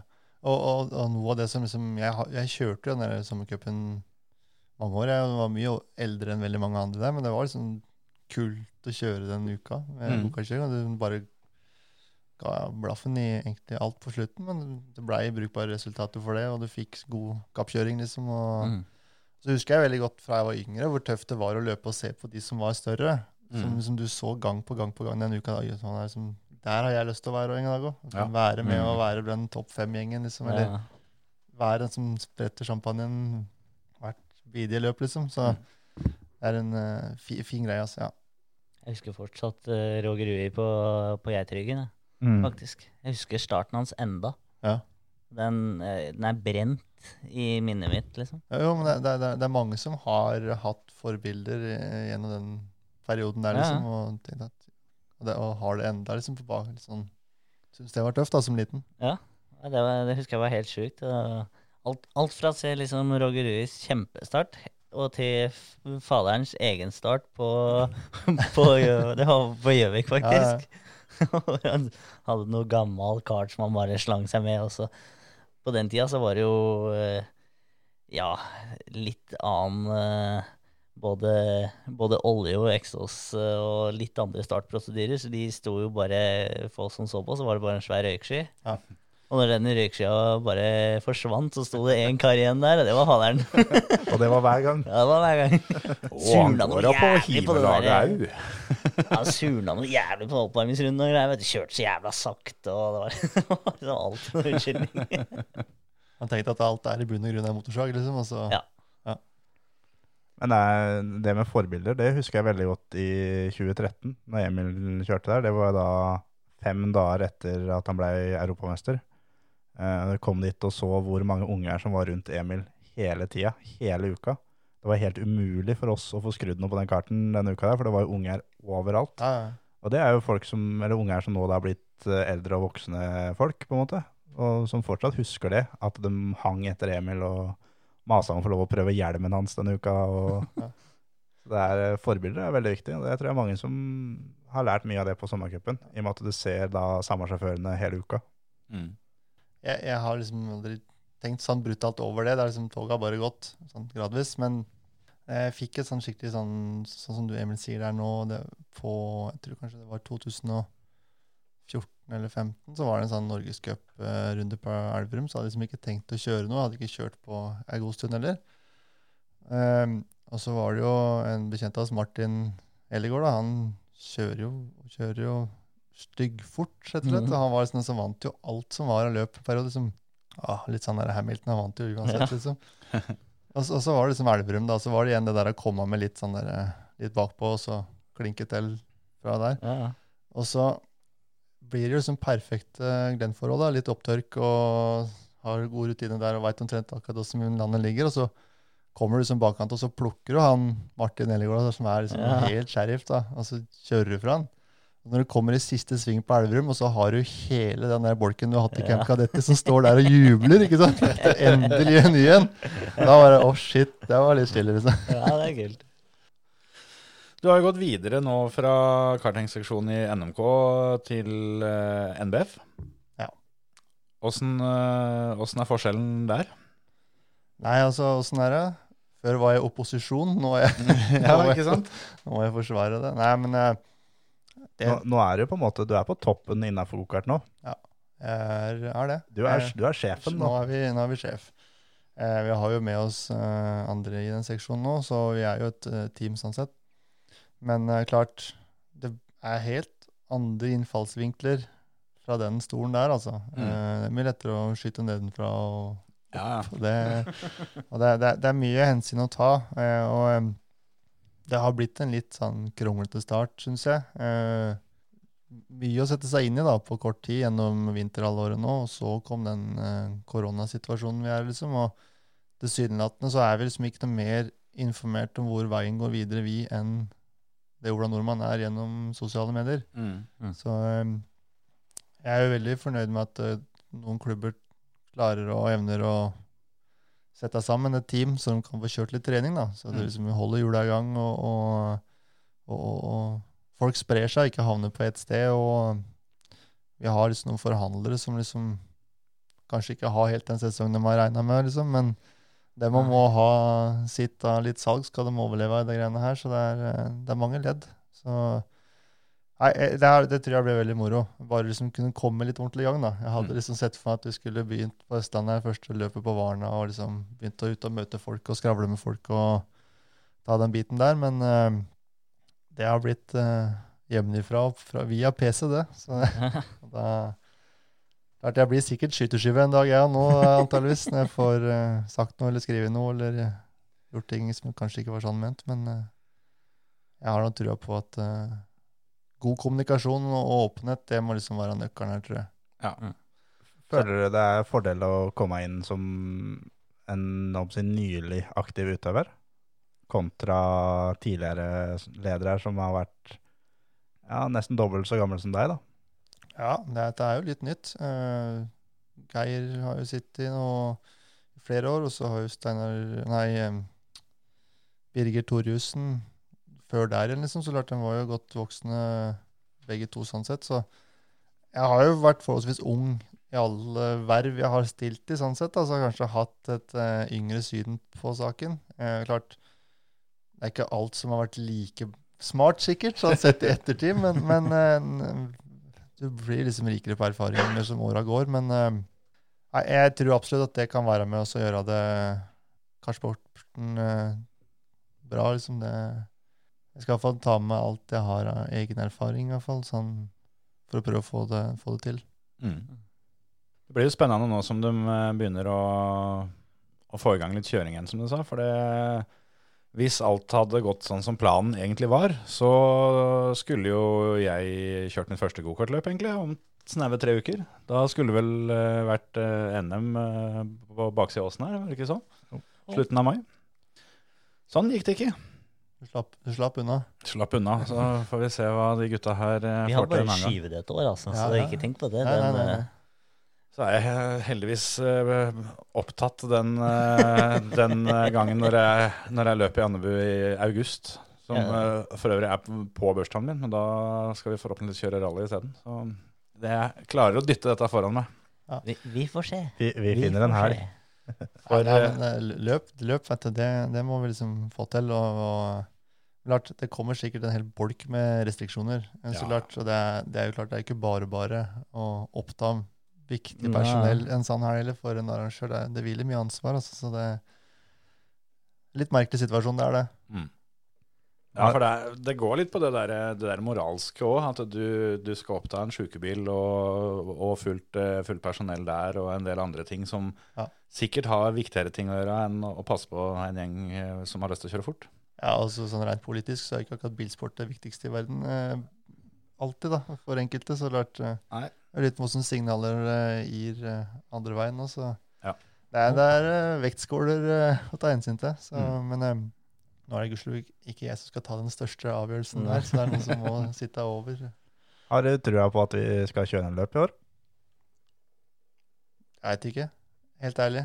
Jeg følger liksom med i sosiale medier som andre gjør, og nå er det jo lagt noen føringer, da. Eh, men det spørs jo helt hva som kommer, sånn som vi akkurat snakka om, det her med helsepersonell det er en Mm. viktig rolle i det. At det som skal oppta en gruppe mennesker som bør være delaktig i en annen samfunnsrolle. Mm. Og, og skal vi ha, får vi en, stygg ulykke og skal oppta mye folk, og bil, kanskje helikopter. Så klart. Ja. Men eh, ingenting hadde gleda meg mer enn om vi hadde klart det. Men eh, litt spent på den tida her av sommeren. Ja, det er jo litt sånn uh, Hele verden er litt sånn på vent. Hva skjer? Men uh, jeg hørte noen diskusjoner angående fotball over håndball her i stad på TV-en. og Det er litt sånn, men jeg syns jo for så vidt alle stiller på lik linje. Da. Ja. Sånn, eh, Det er jo litt sånn, sånn som status er akkurat nå, så er det vel litt det at det er ikke noe i veien for å, å, å kjøre løp eller arrangere fotballkamper for den saks skyld i seg sjøl, men det går jo på alt det andre, da, som du sier. At det ja, Altså Sjøl om ikke det er smittefarlig å, å ha et gokartløp, så er det Altså ting må komme i tur og orden. Ja. Så, så er vel da kanskje ikke motorsporten det som kommer først. Nei, så det blir nok eh, mye treninger, i hvert fall, i hvert fall ut mai. Det er garantert fram til Ja. 15. juni uansett. Så det Men jeg liksom ser en sånn annen side av det. Det har jo skapt mye positivt engasjement. Så Man har gått litt tilbake til det derre sjarmen med dette her, da, faktisk. At det er ikke det derre forferdelige jaget hvert eneste helg med løp og høye skuldre, og det er liksom eh, litt mer eh, roligere harmoni da, i depotet. Så kanskje man får litt tid til å reflektere over eh, hva vi egentlig holder på med, da. Kan hende at det er en eh, anledning for å faktisk kjøre og kose seg, og ikke, ikke bare tenke konkurranse, som du sier. At nå som alle veit at det blir ikke noe løp på ei lita stund enda, så kan de dra på trening og bare, bare kjøre for å ha det moro. Ja, ja. Kanskje får tid til å male huset, og så var det noen andre som ble fornøyd i heimen. Og så, ja. ja, vi har vel, har vel malt litt hele gjengen, så de sa sier. Jeg, jeg mener jo det at uh, det her er nesten bare positivt for de som driver med gokart, særlig gokart. At uh, nå har de tid til å trene, de har tid til å finne ut av den gokarten de faktisk kjører. Ikke bare kjøre med det oppsettet som uh, kompisen din kjører med. Nå har du faktisk tid til å finne ditt eget oppsett. Ja. Og sånn som da vi gjorde i gamle dager, da. At vi Jeg kjørte med oppsettet som jeg ville ha, du kjørte med oppsettet som du ville ha, Glenn. Og Emil kjørte med oppsettet han ville ha, fordi at vi brukte mye tid på det, da, på trening. Eh, dagens gokartfører gjør jo ikke så veldig mye sånn. Nå har vi faktisk tid til det. ja, det bør de jo tenke seg om og være veldig smarte nå, i hvert fall. Så, så godt de kan, og finne sin greie. Mm. Det brukte jo vi mange år på å skjønne, At vi var nødt til å gjøre det. ja, åssen det egentlig ståa var. Men nå begynner jo når du er seks år, da, så er det begrensa liksom hva du forstår da. Men eh, er du en juniorverden nå, så har du jo all verdens mulighet til å forske litt ekstra. Hvor er det norsk gokart eh, går videre med deg i sjefsstolen? Nei, nå har jo jeg min periode først, og så får vi se om vi får lov til å fortsette. Det er jo ikke at den sitter her for alltid, men jeg har i hvert fall trua på at eh, vi skal gjøre litt i bånn, eh, for å gjøre inngangsbilletten enklere her i hvert fall. Eh, rent utstyrsmessig eh, og forbruk. Det tror jeg er litt viktig, sånn at folk kan prøve det her og finne ut av det på et tidlig stadie, uten at de går lei at det er pro problemer. Men Mm. at de får litt kjørelede en to-tre år, og så finner de ut om det her er verdt å bruke mange tusen kroner på. For det, er klart, det koster å drive med bilsport, Mm. selv med gokart òg, men inngangsbilletten må være såre enkel. Um, jeg har eh, klokketro på å få utvikla en uh, app hvor vi, tjenestekanalene er ganske enkle, istedenfor å drive med folder og brosjyrer overalt, for det er så mye forskjellige tanker og visjoner. Men at vi har en plattform hvor vi snakker ut, for det, er, det er der vi er i dag. Mm. Oppdateringer, live, eh, streaming generelt, news, praktiske opplysninger. Kursing eh, for de aller minste, altså en digital Ja, inngang der, liksom. Det, så er det liksom det at nå begynner du med gokart når du er så liten. altså Når du er 15-16 år, så har du en 10 års fartstid allerede. Og så kan du liksom begynne å trene bilcross og annen når du er 14 år. Så klart, det, Folk fortsetter jo videre med bilsport i det segmentet der, så det er viktig å ha en rød tråd fra A til eh, Å. da, og da er liksom 16-17 år et kritisk punkt. da. Mm. Så jo større bredden er fra bånn oppover, jo større vil feltet være i junior-senior. Men er det smalt i bånn, så blir det ikke større på toppen etter hvert, for frafallet er der alltid. Mm. For det er, det er ikke alle som er like sjuke i huet som oss, som holdt på med gokart eh, langt over de er 20 år. Det er noen som finner på noe annet smart. Neida, men, eh, så uansett, tenker jeg, så lenge du har glede av det, det, så er det utrolig hvor lenge du klarer å drive det, liksom. Ja. Om, om det koster ut av hvite øyne, så er det alltid en drive der, liksom. Og så lenge den er der, så og Det gjelder all bilsport. Jeg, jeg, dere har sikkert, jeg har hørt dere prata litt om det, men det er, det er mange som går ut forferdelig hardt.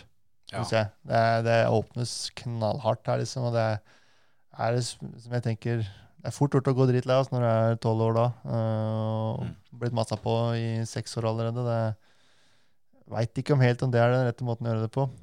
Men la dem heller finne ut av det da, og ha det gøy, så kan du i hvert fall holde dette her gående.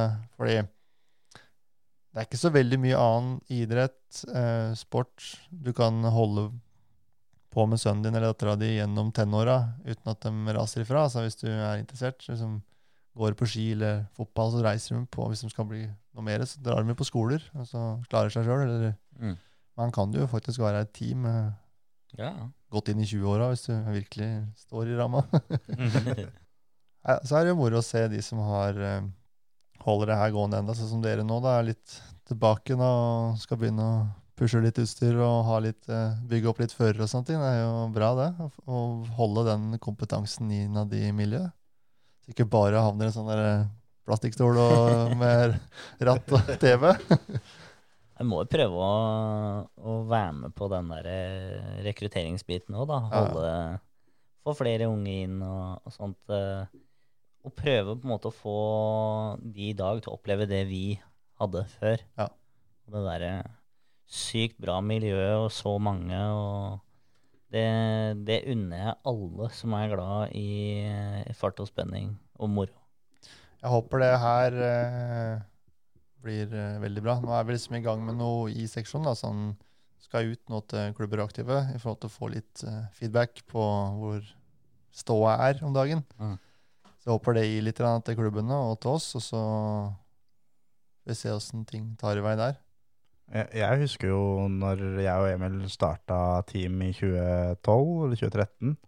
Da snakka vi om det hvor mye gokarten hadde gitt oss opp igjennom. At det nå det hadde vært, eh, For da var vi ganske erfarne og gode på hvert vårt felt. Ja. Emil som sjåfør, jeg som til, til å skru. da. Og da snakka vi om det at eh, det hadde vært kult å gitt noe tilbake til gokarten. Er det litt sånn du tenker du òg, når du da er i den rollen du er nå, at du vil gi noe tilbake igjen til, til gokarten, som har gitt deg så mye opp igjennom? Og, og Lars, aldri- dette er jo veldig avhengig av sønnen min. da. Jeg fikk en sånn derre Var egentlig litt forsynt her i sommer. Jeg er innrømmer det. Jeg hadde, ikke, jeg hadde liksom tenkt å kanskje hoppe av alt som var. Jeg følte at det tok mye tid, liksom. og Var litt lei. Men så, som far, da, så var vi liksom oppe og kjørte på Sigdalen, og så sleit han veldig med den der eh, bakkedumpa. Kjøre ned der. Han syntes det var litt sånn skummelt. Han stoppa hver gang der, og så slo vi av motoren, så trilla vi ned. Og så når han første gang naila den kuren, og jeg hører inni hjelmen sånn Juhu, jeg greide det! Da knakk jo helt sammen. du. Så da, da var solgt, så da ble det rett inn i kartingsesjonen, og så få drive dette videre. Ja. Neida, det, er, det er mange øyeblikk vet, som gjør at eh, du bretter opp armene nok en gang. Så det Og så er det noe eget med det å komme på løp på våren. Sånn som Kjetil var en tur i Andebu nå på lørdag. Ja. Og det, og du kan jo fortelle åssen det var når du kom fram. Ja, jeg hadde jo med meg guttungen på fem og dattera mi på to og et halvt. Og jeg og guttungen har jo for så vidt vært der oppe, oppe flere ganger før. Men eh, da kjørte vi opp, og alle gleda seg. Og spesielt dattera mi, hun var tidlig på'n for at hun skulle også være med, da. Ja. For hun skjønte hva vi hadde tenkt å finne på. Og så parkerte vi, og idet jeg åpna døra, så måtte jeg bare, bare sitte noen sekunder mens unga masa baki. da, Og bare liksom Den lukta der, den har jeg savna. det var lenge sia. Og ja, da fikk jeg sluppet løs ungene, og dem eh, var rett opp eh, og stelte seg ved gjerdet og kikka. Og da, da måtte vi bare vente til de hadde kjørt ferdig, altså til det ble en liten pause. For dem skulle ikke gå fra det gjerdet der mens det, mens det skjedde noe på banen. Så Vel oppdratt, dem, da. Det er bra. det høres ut som at jeg har gode muligheter for å bli en sånn gokartpappa i noen år framover. Men uh, vi får se. Jeg tenkte litt på det der med team, for jeg tenkte jeg kanskje skulle bringe opp. Men eh, Terje hadde jo tidlig i startfasen et eh, godt etablert team i. Da var det liksom så kult å lage hjemmesider. Så da hadde vi jo bånngass.tk. det var operativ, det. Vi gassa fælt. Det var ja, ja. tre-fire stykker av oss. Ja, ja. Prøvde å sjekke om det domenet fantes, men det var, det var gone. Sånn, jeg, før episoden i dag så måtte jeg søke opp eh, hjemmesida di for Ja. å se om den fortsatt Ja, var den er i live. Den var i live. Jeg betaler hvert år for den. jeg eier det domenet der, så ikke slipp på det. Det er da foss1.com Ja. med ett tall. Ja. Men apropos team, du har jo, du har jo et team du, selv om ikke du er, eh, er aktiv utøver. Du har jo Norefjell Racing Team. Ja, ja. Og det er, det er jo noen me- meritterte utøvere som er med der. da. Det er mye, det mye erfaring ja, ja, der. Vi var fryktelig fornøyd en periode når de fleste var litt på høydetopp. For da hadde vi fatt ut at vi hadde jo europamesterskapstitler og norgesmesterskapstitler og Stulamais på en og samme sesong da, i, i det teamet der. Og det, er det her begyntes jo som en sånn sosial gathering på vinterhalvåret med skikjøring. Og brennevin. Skikjøring eh, og sånn. Jeg tenkte på det at det her høres eh, ut som en, eh, som en eh, fin årsak til å få drikke litt brennevin, tenkte Ja, ja. jeg. Og så holde dette her eh, altså, noen år for lenge. Ja, ja. Og så var det det der Når du sitter og koser deg litt, så så kommer det mye gode ideer, da. Og fucker, vi må lage noen T-skjorter og klistremerker og sånn.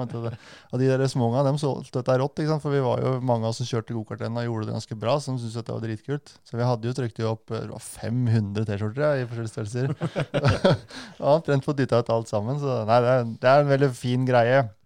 Det er litt sånn opp og ned åssen det passer for folk. I løpet av min passer alltid på å ha én tur på ski og sånn Og sånn, ja. ja, i året. Og da Um, Det er ikke så nøye hvis du glemmer skia hjemme. Nei, nei, nei. nei. Du kan leie. altså, men det, men det, det, blir mye sånn eh, Det er konkurranse i det greiene der. Vi har jo måttet smøre opp skia våre, for vi har kappkjøring da, så vært i forkant. Så det, men det, det er det altså å få kobla av litt og vært litt, uh, litt utøvere sammen igjen. og Mm. surra og røra litt, så det er en bra greie. Bruker å være rundt ti stykker, det er lett å dele på sånn, sånn rent økonomisk. vet du. Ja, kjempepraktisk. Yes. Jeg fikk beskjed om også å ta med meg en gave i dag. Ja. Ja. Den kom meg litt brått på, men jeg, jeg ser at dere har noen capser her, men jeg skal påfylle litt her. Skal vi se. Du sa du trengte en premie, Terje. Ja, det er, vi skal ha litt konkurranser og greier her nå. Ja. Ja, vi har- tok- Kommer jeg forkjøpet? Vi har en uh, konkurranse gående nå, faktisk, med den kuleste fightinga som er mulig å finne. Og vinneren av den konkurransen skal få det du har med deg, uten at vi veit hva du har med deg. Oh, ja. ja, ja. ja men, det blir spennende. Nei, du. Eh, jeg har fryktelig vanskelig for å heve ting. ja. Og jeg samler på mye motorsporting, og jeg, som jeg alltid har et eller annet minne med. Men tenkte nei, den, den går. Eh, Jeg har, får den ikke på hjul lenger. Men eh, Er det lykkebokseren fra sil 2007-sesongen? silkebokser når den var poppis, vet du. Scooby-Doo-boks Ja, fra nå, nå røyk 2003. den. Nei, du. Eh, litt sånn eh, sjølbiografiskryt igjen, da. Men jeg, jeg er jo da en av de eh, få i rallycross-sirkuset som har blitt med å bli verdensmestere i rallycross. Mm. Og tilbake i 2016 så var jo jeg, eh, jeg liker å si det, en, en del av EKS som mekaniker. vet du, jeg var jo var med på Ah. vinnerlaget. Ja vel. Ja, Riktignok bare én helg på eh, men eh, det teller. det teller. Det er klart det teller. Um, Poenga derfra, de teller sammenlagt. Jo. ja, ja, ja. Så, nei, vi vant jo en sånn interkonkurranse til Ekstrøm og var jo med som mekaniker hele helga for Audi og den biten her. Da fikk vi litt bekledning og annet utstyr. Så derfor tenkte jeg at eh, en Team teamcaps Dæven. fra Ecos, der er det ikke så virkelig mange av, eh, sånn sett. Så her fikk, vi fikk jo rød, da, for vi var liksom sånn eh, rookies. Ja. Sånn, eh, jeg er liksom litt begrensa, men eh, Er det litt, litt sånn de som går på elgjakt, de må ha da en synlig caps? Ja. Ja. Dere, det, dere. Så jeg tok den av meg da, vet du, for å gli inn, så ikke jeg så ut som jeg var sånn sparky. Der, der er det der, skikjøring og sånt kommer inn, så eh, få på dem røde luer, sånn at vi finner dem igjen. Så dette er jo en sånn Jimmy Lindberg-edition, da. Med Audi-ringer og EKS-emblem i rød farge, som dere får uh, trekke Den var ut. Den uh, Den var dritkul. Den var er veldig, veldig tøff. Den, litt uh, Big på den. Jeg var nede i kjelleren og prøvde å finne noe annet, men det hadde jeg ikke, så da ble det capsamlinga. Jeg kan si såpass som at uh, de av dere som ikke, eh, ikke har sendt inn bidrag til den konkurransen enda, dere burde få ut fingeren, for den premien her uh, har dere lyst på. Ja, uten tvil. Det er det synd at det er jeg som er dommer nå, så ikke jeg kan få vært med sjøl. Og vinneren ble eh, Terje Flåten. Det blir Hans fra Holmestrand. Ja. Nei, så håper den kommer godt med. Absolutt. Det var veldig bra. Skal vi eh, takke for i dag?